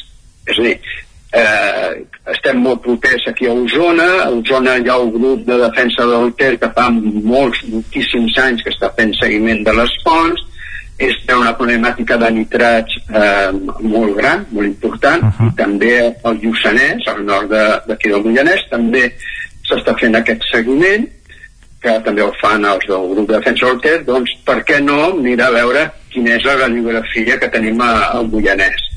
Llavors, eh, envers nitrats, doncs comentar que, clar, eh, en total, en total, de la, amb les dues campanyes tenim repartides, de, tenim 48 fonts repartides al, en tot el Moianès que on vàrem, vàrem recollir aigua la vàrem analitzar.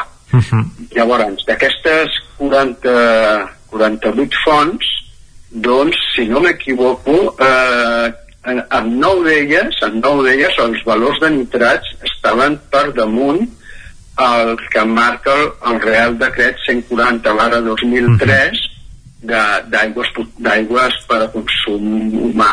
Val. No? Llavors, això que, que, que ens ve a dir que bé, la, la radiografia amb aquests dos anys ens ve a dir que, a veure, eh, sí que hi ha algunes fonts que tenen nitrats, val a dir que amb el, algunes d'aquestes els valors són alts, però que no estem malament, tampoc, que no n'hi ha tantes com, com es podria esperar. La veritat és que si de, de 40, si no m'equivoco, de 48 en surten 9. Val. Eh, bé, bueno, eh, jo penso que aquí el que hem de fer és com, un, com, com una com una alarma, no? situació d'alarma, estem, eh, anem fent aquest seguiment, anem, anem inventariant i, i analitzant més fonts, anem, anem ampliant aquesta radiografia dels nitrats al Moianès, però en aquests dos primers anys eh, es veu que, que, que n'hi ha, ha, ha, però que no són, no, no són moltíssimes. Dir, de fet, representen un 19,15% de, de, del total de les fonts eh, mostrejades. Vale. Uh, a, a part de a part de- d'aquesta presència dels nitrats hi ha alguna altra problemàtica ja sigui en conservació eh, més enllà de, de la potabilitat de l'aigua eh, que heu vist a, a l'hora de, de fer aquest inventari de fonts? Bueno, el que sí que, que hem vist, hem pogut, hem pogut contrastar bé, és que a part d'analitzar eh, els, eh, a part d'analitzar eh, les aigües també hem fet el que es diu el, el control de cabals eh? hem mirat com estan aquestes fonts sí que és veritat que, que clar, en total en aquestes dues campanyes eh, s'han realitzat doncs gairebé eh, més de 60 s'han s'han inventariat més de 60 fonts i, i, no, en- i moltes d'elles estan seques la veritat. Vull dir, eh, compte, si de, de 60 doncs en 48 tenim aigua d'aquest que són 64, perdoneu, 64, tenim 48 amb aigua, doncs donar unes quantes, quantes fonts que les hem trobat seques. Bé, més el 2021 que no passa el 2020, i en part és normal, el 2021 ha estat un any molt sec i també ha quedat reflectit amb les fonts del, del territori. Val a dir que pel que fa a cabals, les fonts que hem inventariat que tenen aigua no són fonts molt cabaloses. És dir, les fonts que, que, hem, que hem inventariat durant aquests dos anys no, quan hem registrat el, hem mesurat el cabal no són cabals molt, molt alts de fet són cabals baixos baixos. Què vol dir això? Que, que a la mínima que hi ha una, una sequera, una sequera perllongada, aquestes fonts moltes s'aixuguen. Uh, uh, uh, se'ns acaba el temps. Uh, volíem uh, saber oi que feu una, feu una xerrada uh, una presentació aquest cap de setmana a Mollà uh, en quina, a quin lloc ho feu? Quin, quina hora? Uh, en, ens ho hem d'apuntar a l'agenda. Quan, quan serà? Sí, mireu, la, aquest dissabte fem a dos quarts de sis a la sala petita del Casal, al centre de Mollà, fem la presentació del projecte Les Fonts del Mollanès i l'estat de les seves aigües i, i, i, i us convidaria i voldria convidar tothom que, que, que vingui, que hi participi. La idea és que sigui una conferència participativa. Per nosaltres és molt important, ja que hem engegat aquest projecte, doncs donar-li continuïtat i eh, ens havíem proposat un esglaó més, que és el de, el de fer, fer el projecte popular i bé, que la gent de diferents municipis també ens puguin aportar el seu coneixement perquè, perquè, bueno, perquè ho veiem que és molt important i, i estaria bé doncs anar sumant, anar sumant gent al projecte i sobretot un aspecte que ens interessa molt és també la, la vessant cultural de les fonts. Dir, nosaltres aquest es, eh, farem la presentació però és més una vessant més mediambiental però les fonts són a part de patrimoni natural també és un patrimoni cultural. I, i fer un recull d'aquesta vessant cultural doncs per nosaltres és important molt important Vale. Doncs uh, moltes gràcies Jordi. Uh, esperem que vagi molt bé aquesta presentació i gràcies per explicar-nos-ho aquí en el territori sostenible. De res, Mol, moltes gràcies a vosaltres. Doncs nosaltres acabem aquí la nostra secció. Nosaltres tornem la setmana que ve. Us deixem amb els companys que seguiran explicant l'actualitat local dels nostres pobles i comarques Perfecte, Jordi, moltíssimes gràcies. Com bé, continua avançant al territori 17. Fem ara una petita pausa, però tornem de seguida amb la resta de continguts d'aquest matí de dimecres. Fins ara mateix. El nou FM, la ràdio de casa, al 92.8. Al restaurant Xavito Gastro de Vic hi trobaràs una cuina mediterrània i de mercat amb gran varietat de plats, amb arrossos, carn o peix fresc de la llotja cada dia. Vine a dinar de dimarts a divendres i prova el nostre menú diari per només 15 euros o a les nits de dijous a diumenge tastar el nostre menú degustació amb arrossos i tapes per 25 euros. Restaurant Xamito Gastro. Ens trobaràs al carrer Callnou número 9 de Vic i al telèfon 93 094 1172 o al 747 42 92 58. El racó de León ja és primavera. Gaudeix de la nostra terrassa. Vine a tastar les xuletilles de lechal a la brasa amb una bona amanida o el xuletón de vedella gallega. No et pots perdre el nostre lechado de Castilla al forn o el cochinillo a l'estil de Segovia. Tot acompanyat del millor celler, al menjador o fora la terrassa. Descobreix la millor cuina de Lleó sense moure't de casa. Vine amb la família, els amics, la parella o sol. T'encantarà. El racó de León, cuina tradicional lleonesa i de mercat. Som al carrer Torelló número 35 de Vic. Per reserves, telèfon 93 889 1950. El racó de León, una cuina diferent. Vols aprendre anglès i viure una experiència inoblidable? Estades per a joves a Irlanda, classes d'anglès i un munt d'activitats, allotjats en família o en residència i convivint sempre amb joves d'altres països. També classes per a adults i programes per a tota la família. Tures Language and Travel, especialistes en Irlanda des de 1994. Més informació a tures.cat. Arriba la primavera i tornen les samarretes. A Gràfic Cert tenim una extensa varietat de samarretes per vestir el teu personal, promocionar la teva empresa, club esportiu, associació... Si estàs organitzant un esdeveniment esportiu o una festa cultural, una samarreta és una bona opció per lluir la teva marca. Ja ho saps, si el que necessites per la teva promoció és una samarreta, Gràfic Cert és el teu proveïdor. I ara també tenim a la teva disposició samarretes 100% reciclades tant de cotó com de polièster. No esperis més i truca'ns al 93 886 12 15 o visita'ns a graficcert.com. Del 8 al 10 d'abril torna al Mercat del Ram de Vic amb més il·lusió que mai. Hi trobaràs un munt de propostes familiars i professionals, com el primer congrés VIP dedicat a la bioeconomia, els espais terra i cuina i la casa de pagès, o la mostra de productes artesans. Consulta la programació a vicfires.cat o xarxes socials i descarrega't l'app per no perdre't cap novetat. Torna al Mercat del Ram. Passa-ho.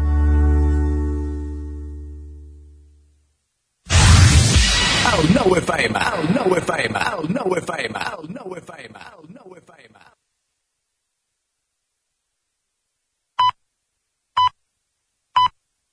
Territori 17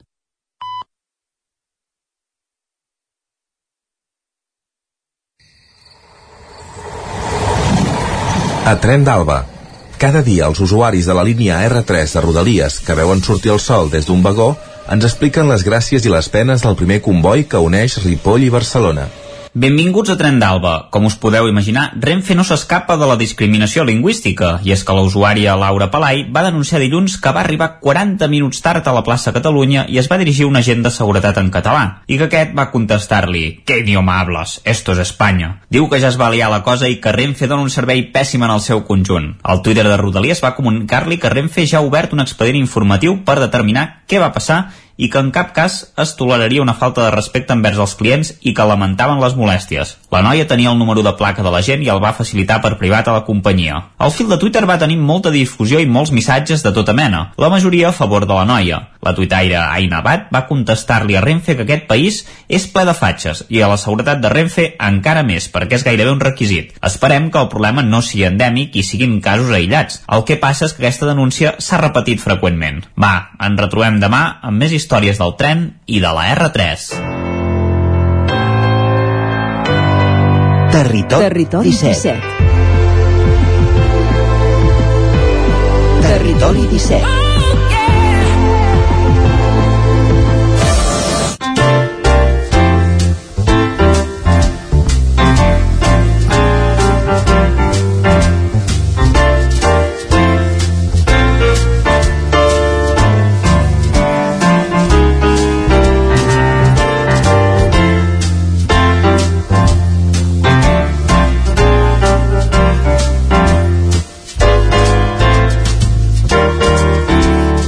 Dos minuts que passen de dos quarts de dotze, ja coneixeu aquesta sintonia, ens indica que és moment de conèixer l'agenda cultural pels propers dies a les comarques del territori 17, un recorregut que fem cada dimecres uh, per les redaccions del territori 17 per conèixer doncs, els actes més destacats de cada territori. Un recorregut que comencem als estudis de Ràdio Televisió Cardedeu on ens espera l'Òscar Muñoz. Aquí ja saludem. Bon dia, Òscar. Òscar?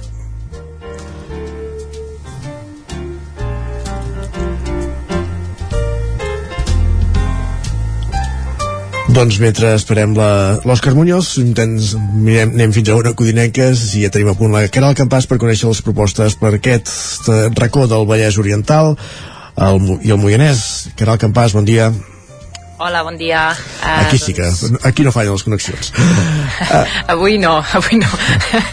Mireu, aquí, si, si et sembla, començo pel concert que oferirà la Rita Payés i Horacio Fumero Sí. a Caldes de Montbui. Uh, els, no sé si els podem escoltar. Sí, vam escoltar la veu de la Rita Payés en breus moments. Eh, un Val, concert d'acord, que, doncs, que, deies, sí. que es fa a Caldes aquest cap de setmana, eh? Sí. És a Caldes i és el, és el diumenge a les 7 de la tarda. Perdó, perdó. I continua, continua, després ja l'escoltarem amb- deteniment. Doncs és el diumenge a les 7 de la tarda al cafè de, del centre. Uh, es pot adquirir l'entrada a través d'entrepolis.com els socis uh, té un preu de 8 euros i pels que no siguin socis uh, 10 euros. Uh, us comento una mica. Um, Rita Payés és, és vocalista i trombonista és, és del Maresme i, i ha gravat uh, aquest és el seu segon àlbum amb, amb repertori propi per primera vegada i també per primera cop aventurant-se al català. També comentar-vos que ella es va donar a conèixer la factoria de Joan Chamorro sí. eh, i la Sant Andreu Jazz Band i bé, ella és de, de Vilassar i el seu primer disc eh, es deia Imagina eh, va ser autoditat i és un disc de versions que va fer amb la seva mare. I ara com us deia, han llestit el seu segon treball, Com la piel, que també és autoeditat, eh, i bé, aquest cop amb més de la meitat del repertori format per, per temes propis amb el contrabaix d'Horacio Fumero. I un disc que conté cançons, que de fet la, que és la que l'obra, com aquesta que estàvem escoltant, Nunca vas a comprender.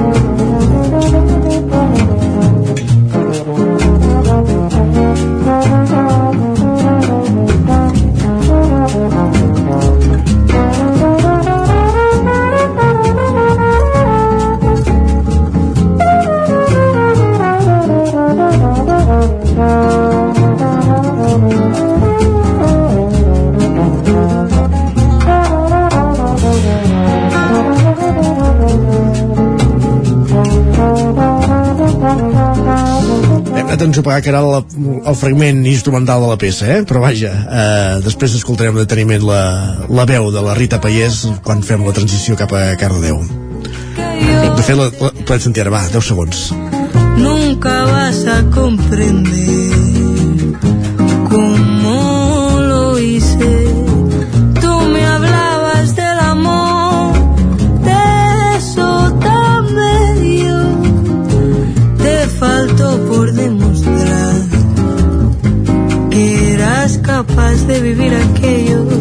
Rita Payés i Horacio Fumero a Caldes diumenge. Més, més coses, Caral. Sí, més coses. Uh, jo crec que aquest concert potser és el més destacat de tota l'agenda que tinc a la, a la meva zona, però bé, uh, on tenim també altres propostes culturals és a Sant Feliu de Codines.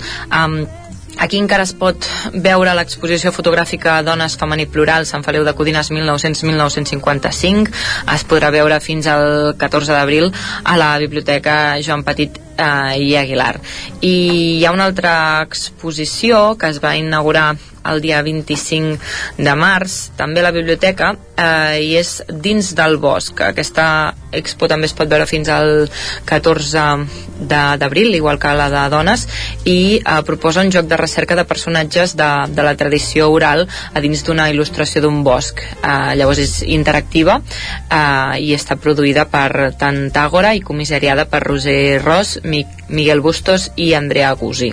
Es podrà veure doncs, a la Biblioteca Municipal de Sant Feliu de Codines.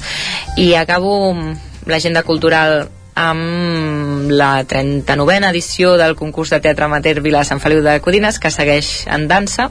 Aquest cap de setmana el diumenge ens proposen l'obra teatral La Moneda, que es podrà veure, com sempre, a partir de les 7 de la tarda al Casal Cultural Codinenc, i és del grup de teatre Punt i Seguit de, de Terrassa. És una obra que parla de, de tres amics que, que tenen una afició en comú, que és que col·leccionen monedes medievals i um, també segueixen doncs, una mena de ritual que, que un vespre cada, cada mes es troben per sopar i per ensenyar-se les noves monedes, però a partir d'aquí doncs, uh, succeeixen uh, alguns, algunes, sí, algunes desavinences. Llavors, això, uh, la moneda, qui, qui vulgui doncs, seguir el programa de la 39a edició del concurs de teatre amateur Vila Sant Feliu de Codinens, doncs aquest diumenge a les 7 de la tarda el grup de teatre Punt i Seguit de Terrassa porta aquesta proposta. És el que té el teatre, que, que té trames i el que té la música és que té cançons. I ara sí, Caral, amb aquesta peça El Maravino, interpretada per Rita Paiés i Elisabet Roma, d'aquest concert que es farà diumenge a Caldes. Acabem aquesta, aquesta roda des de Caldes, de, des de l'Ona Codinenca. Gràcies i bon dia. Bon dia.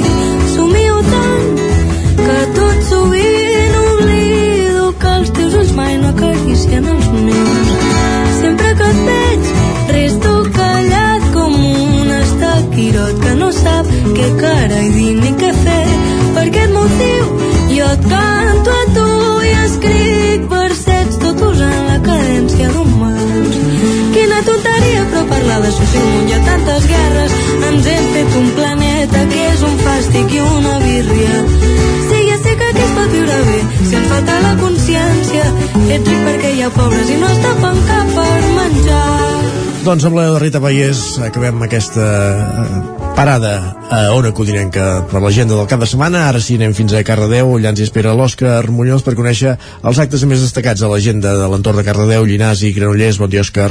Doncs comencem el repàs cultural aquí a Cardedeu després d'un cap de setmana intens d'actes culturals. El Teatre Auditori, per commemorar també el Dia Mundial de de, del Teatre, eh, farà un 50% de descomptes fins aquest dissabte. I és aquest dissabte on ja podem eh, gaudir del primer espectacle amb aquest descompte amb l'obra de teatre Espir, amb el Pep Moner i amb el Xavier Ripoll. Espí és una obra de teatre que posa la política i Europa davant del mirall de la seva història recent, basada en la figura de, de l'Albert Speer, el ministre de Hitler destinat a succeir-lo al capdavant del Tercer Reich. Aquesta obra és dirigida per l'Ester Vilà, una comèdia que porta polèmica. Podem trobar les entrades des de 6 euros a les taquilles del Teatre Auditori de Cardedeu. A Llinars aquest cap de setmana, dissabte i diumenge, hi haurà doble sessió de La Passió. Veniu amb mi, eh, l'obra... Eh, el protagonista de l'obra serà l'Àlex Castro com a Jesús i també hi haurà actors i actrius de Llinars del Vallès i de poblacions veïnes. És un clàssic en aquesta localitat que també hi serà la setmana vinent, els dies 9 i 10 de, de la setmana vinent. Ara ens anem a Granollers, on aquest divendres a les 8, un clàssic, hi haurà el 32è Festival de Jazz eh, Casino Club de Granollers, amb el grup Seven Sides, un grup que aporta eh, alegria, frescor i experimentació dins dels escenaris, una música que es pot, eh, bueno, que entra bastant per la oïda i es gaudeix visualment i que emociona. Aquest grup hi serà, com hem comentat, el Club de Ritme de Granollers amb una entrada de, de 15 euros i al Teatre Auditori de Granollers. A la mateixa hora, a les 8 del vespre, hi haurà Les Irresponsables, una comèdia irresponsable que va escalant minut a minut. I ens pregunten què passaria si un cop eh, comencéssim a dur a terme tot el que ens passa pel cap. O sigui, pot ser una idea, una idea molt esbojarrant de, eh, protagonitzada per tres actrius com són la Cristina Janabart, la Marta Marcoy i la Nora Navas. Això serà a la sala gran del Teatre Auditori de Granollers a les 8 del vespre. Si no, dissabte eh, també al, al Club Casino de Granollers hi haurà la festa dels 80 o sigui, tota aquesta música d'aquesta època que personalment m'agrada tota la música que es va fer en aquella època. O sigui, i acabem acabem diumenge a les 6 del vespre amb el, amb el concert familiar Bye Bye Monstre, un espectacle per fer fora tots els monstres cantant i ballant. Eh, Bye Bye Monstre és el primer espectacle familiar de la companyia de Goll de Gom amb música de la Damaris Gelabert, un espectacle que va més enllà d'un musical i que va néixer en un concurs, diguem, del tema B de relats curts per infants i joves.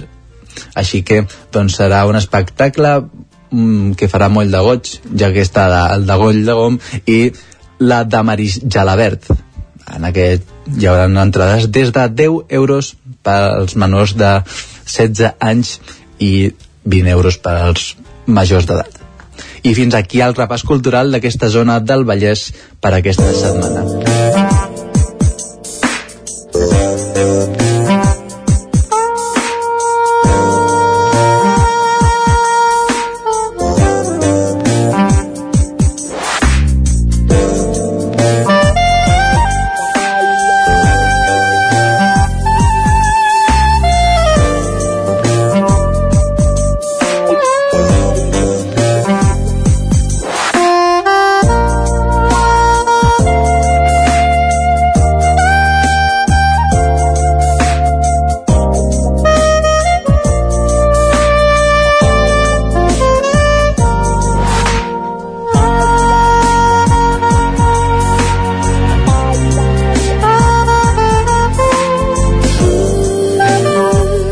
Isaac Montades, bon dia. Bon dia, Isaac. No cada dia en rebem amb les notes del What a Wonderful World interpretades pel saxo de Pep Poblet, eh? Exacte, ja deia com sonava d'alguna cosa aquesta cançó, ara estava pensant-ho i, i fa pocs dies la vaig escoltar a més a més, eh? A vegades allò que busseges pel, pel YouTube. Uh, ara no recordo com es diu Louis Armstrong, em sembla, Correcte, qui sí, la sí. cantava també originalment, vull dir que uh, en aquest cas tindrem el Louis Armstrong català uh, a Ripoll, a la Fins, a, Fira de fins les ara 40. ni dèiem el Kenny G català, però vaja, si el vols rebatejar-. Doncs sí, doncs eh, el rebategem com, com tu diguis, que segurament en, en tens més eh, de música que jo. Eh, el tindrem en en Pep Poblet, el Manlleuenc, el diumenge a les 12 del migdia a la plaça de Sant Eudal. Ell farà aquest concert que ja també juga amb aquest joc de paraules sacsejant el vermut una mica amb, amb aquests sacs de, del, del saxo tan característic que sempre l'acompanya i que de fet és repetidor Pep Poblet perquè l'any passat a la Fira de les 40 hores quan recordem que es va eh, distribuir en quatre caps de setmanes diferents doncs ell ja va venir a actuar a Ripoll i van quedar tan encantats doncs, que l'han tornat eh, a convidar per aquesta edició i, i estarà el diumenge que també és un dels dies importants de, de la Fira eh, hi ha bastantes activitats relacionades amb la Fira Culturals, que és el que us repassaré una mica. Uh, sí. Ara anem, anem una mica al que seria la, la, zona, la zona més literària. Uh, per exemple, a Ripoll, la Biblioteca Lambert Mat acollirà la presentació del llibre de Marc Decker, de la locura a la plenitud eh, que a més a més eh, hem de dir que Marc Decker és col·laborador del programa El Gall de la Veu de, de Sant Joan això serà eh, a les 5 de la tarda el divendres i també divendres a la capital ripollesa es presentarà eh, el llibre Ripoll, ressò de poeta que és eh, de l'autor Josep Jiménez Noguera i parla sobre l'obra ripollesa de Jiménez Estabanell i la presentació doncs, anirà a, a càrrec d'aquest últim i també de Joan Manuel del Pozo, en aquest cas serà també eh, a la biblioteca Lambert Mata i, i l'horari és una mica després de, de la presentació de, de Marc Decker, en aquest cas serà a les 7 de la tarda. Uh, això serien també una mica les, les obres literàries, encara n'hi ha una altra, tenim tres llibres que es presenten aquest cap de setmana, uh, l'altre és el de Montserrat Picola, Una vida de secrets i silencis, que serà a la sala Abat Sant Just el dissabte a les 6 de la tarda. Després d'això, eh, sortim un moment de la Fira de les 40 hores, perquè hi ha dues activitats més eh, aquest cap de setmana. A Can Davànol, aquest divendres, a dos quarts de deu del vespre, es farà l'obra, es representarà l'obra per llogar i cadires, de la companyia de teatre Maria Font, la companyia ripollesa, per un, les entrades costaran eh, 12 euros i s'han de reservar a la web del Cercle Can Davanolenc, que és on es farà doncs, eh, la representació. Recordem que ja la, la setmana passada ja es va fer aquesta obra de teatre uh, a Ribes de Freser, per, per tant està fent una mica de gira per, per al Ripollès.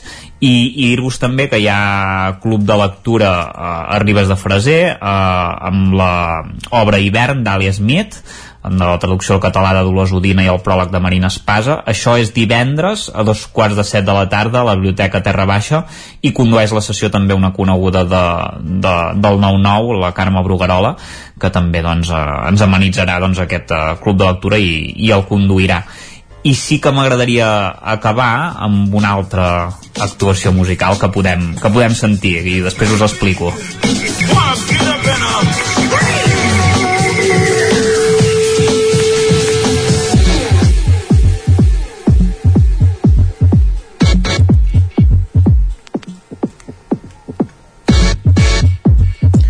això ho estàs fent tu o com, com va ja? No, no, no, no, no, no sóc gaire bo, eh, jo fent de DJ, tinc algun amic que sí, però jo, jo concretament no en tinc ni idea, per tant no, no, no sabria dir exactament ni què està succeint, com aquell que diu, ni quines notes està tocant, ni, ni, ni què està fent, ni res.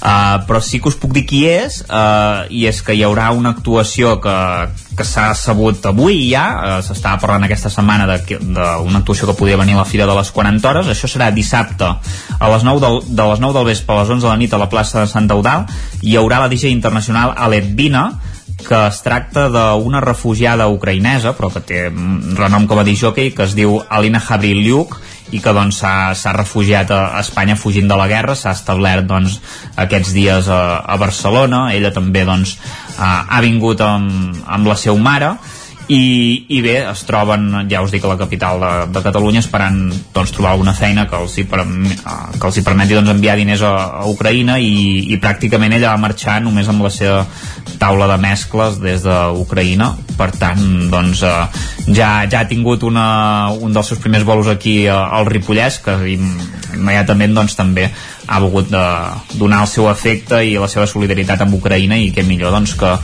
que hi participi doncs, una DJ d'aquest país que és de, és de renom in, internacional. Per tant doncs, una actuació potent doncs la DJ Aletina, Aletina que serà dissabte deies, eh? a la Fira de les 40 hores de Ripoll correcte, serà dissabte de, de, de les 9 del vespre a les 11 de la nit a la plaça de, de Santa Eudal doncs vinga, qui, qui vulgui conèixer les evolucions que fa amb els plats eh, aquesta noia, dissabte a les 9 a la plaça Gran de Ripoll. Gràcies, Isaac. Bon cap de, bueno, cap de setmana. Bon dimecres. bon dimecres, igualment.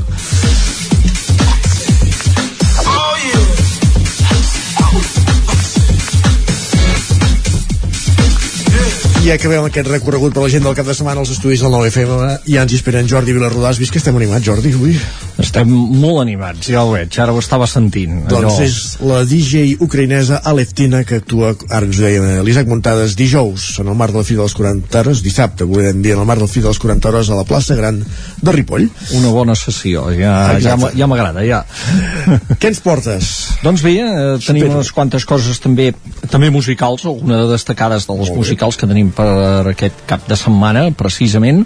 Eh, Començarem per una, que és el divendres, el divendres dia 1, el, comencem el mes d'abril a l'Atlàntida a les 8 del vespre amb un concert en què la Gemma Humet presentarà la preestrena, de fet, perquè encara no, no el tenim, el, el que serà el seu nou disc. Eh, és un disc que, a més a més, va acompanyat d'un llibre, eh, que, que també, aquell, el llibre sí que ja, ja el tenim, ja ha sortit, i eh, fa un pas més amb, amb, el, amb el que ja havia començat a fer amb aquest disc últim, amb Màtria, que va estrenar justament l'any mateix de la pandèmia, l'any 2020, aquí al Mercat de Música Viva, i que va sorprendre perquè la gent entrava en aquest món de més sol electrònic, ja d'incorporar-hi doncs, eh, sintetitzadors, eh, eh, una proposta eh, que no marxava del, del to de cançó d'autor que té la seva, la seva música, però que hi afegia sonoritats diferents. Cool culpa, entre cometes, evidentment, de la producció d'en Jordi Casadesús, que és el que eh, fa aquest canvi,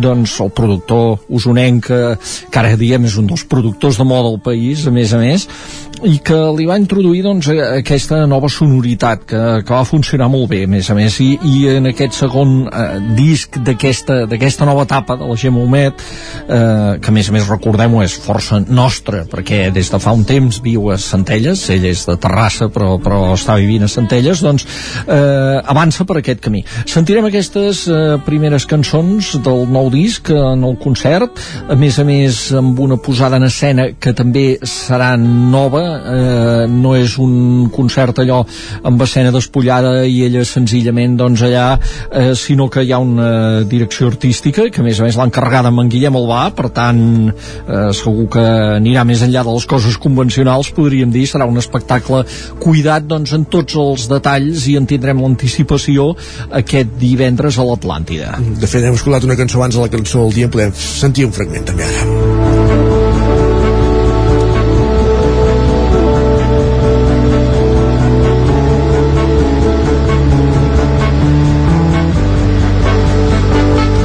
Estem de pega, deixem respirar els, els moments instrumentals, els moments... I, i no sentim la veu de la Gemma. Els protagonistes no canten, ens ha passat abans amb la Rita Paiés i ara amb la, i ara amb la Gemma Homet. Anem Don, avançant, Jordi. Doncs bé, anem avançant i el mateix divendres a l'Atlàntida són compatibles... Ai, perdó, la Jascava són compatibles amb el de l'Atlàntida eh, perquè un és a les 8 i aquest que diem ara és a les 10 per tant es pot sortir un concert, pam, i entrar un altre que és el concert que farà en Dan Paralbo a eh, la Jascava en Dan Paralbo de Torelló amb la seva banda que es diu El Comboi, també usonenca majoritàriament. Eh, presenta el, el que ha estat fins ara el disc que hem conegut d'ell, aquest disc que es deia Cosquis Mai, que és eh, la tarja de presentació d'ell, eh, autoproduït, eh, aquest disc, eh, per presentar-se en, el, en els Premis en Rock, eh, on va guanyar. Eh, ara gravarà un disc nou, resultat d'això, però aquí encara doncs, sentirem algunes de les cançons aquestes que ja doncs, tenia, en Dan, que és una de les figures emergents. Té fusta de, de, de músic de frontman d'estar a l'escenari eh, fa un pop rock que, que, que, que no és el que sentim en el panorama de la música catalana últimament. Mm, jo crec que en fi que en Dan és una, de la, és una figura que hem de seguir molt de prop i una ocasió per veure'l. I abans que estreni el nou disc serà aquest divendres a la Cava.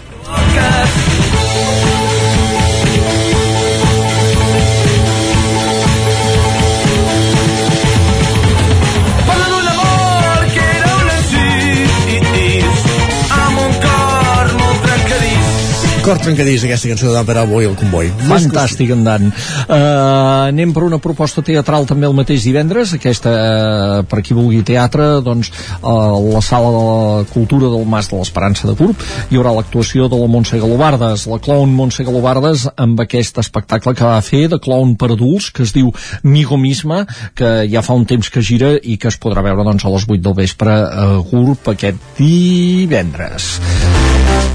I anem per més coses, anem per més propostes, per exemple, doncs el dissabte avancem ja cap al dissabte amb una obra de teatre destacada a l'Atlàntida. Una obra de teatre que es diu, eh, a veure, Europa Bull, o, o, o sigui, es pot llegir Bull eh, com en anglès, eh, bull, brau, toro, eh? o Europa bull, o sigui, ho pots pronunciar la catalana, perquè Europa també bull. Eh, és un muntatge divertit, però a més a més amb missatge profund, eh, que, que presenta, que, que, que ha fet en Jordi Oriol amb la companyia Indigest. Eh, ja fa un temps que fa recorregut per l'escena catalana ben bé des d'abans de la pandèmia ja i seria una sàtira sobre l'Europa del moment, aquesta Europa que bull, eh, o sigui, a veure, bull perquè és una olla de grills a vegades també. Però a més a més aquest bull aquest eh, bull en anglès, bull toro fa referència al mite de l'origen d'Europa d'Europa, el rapte d'Europa per part de Zeus en forma de toro que rapta eh, doncs la, la noia que és Europa, que és Fenícia, és tot una llegenda, un mite, un dels mites grecs que, que, que, que d'on ve el nom d'Europa de fet. I, i bé, aquesta és una proposta que val molt la pena realment de veure, es podrà veure l'escenari de l'Atlàntida el dissabte a les 8 del vespre. Uh -huh. i aquesta música vol dir que ja sí, sí, som, estem ja estem, ja estem doncs al circ de Núria el mateix dissabte a les 8 del vespre al eh, Sirviarum de Torelló. Un dels circs catalans, les companyies de circ catalanes amb més projecció internacional. O sigui, podem ter entre teatre i circ el, diumenge, el dissabte perdó, a la mateixa hora a Torelló o Vic, ja està. Gràcies, gràcies Jordi també per la solidaritat. Acabem aquí al territori 17 d'avui dimecres 30 de març, us hem acompanyat Lúria Lázaro, Caral Campàs, Guillem Sánchez Txell Vilamala, Isaac Montades Jordi Givert, Òscar Muñoz, Jordi Vilarroa Jordi Sunyer i Isaac Moreno. I tornem demà. Territori 17 un magazín del nou FM. La veu de Sant Joan, Ona Codinenca i Ràdio Cardedeu amb el suport de la xarxa. El nou FM.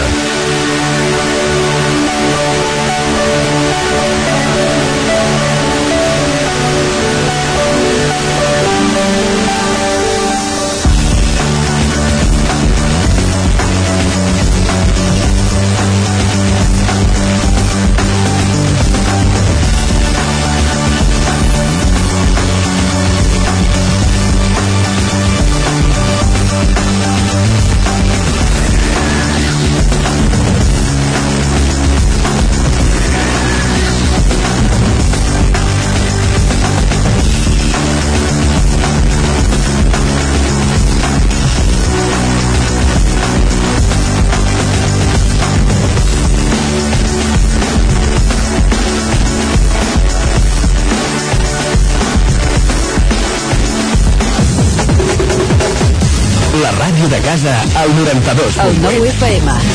La ràdio d'Osona.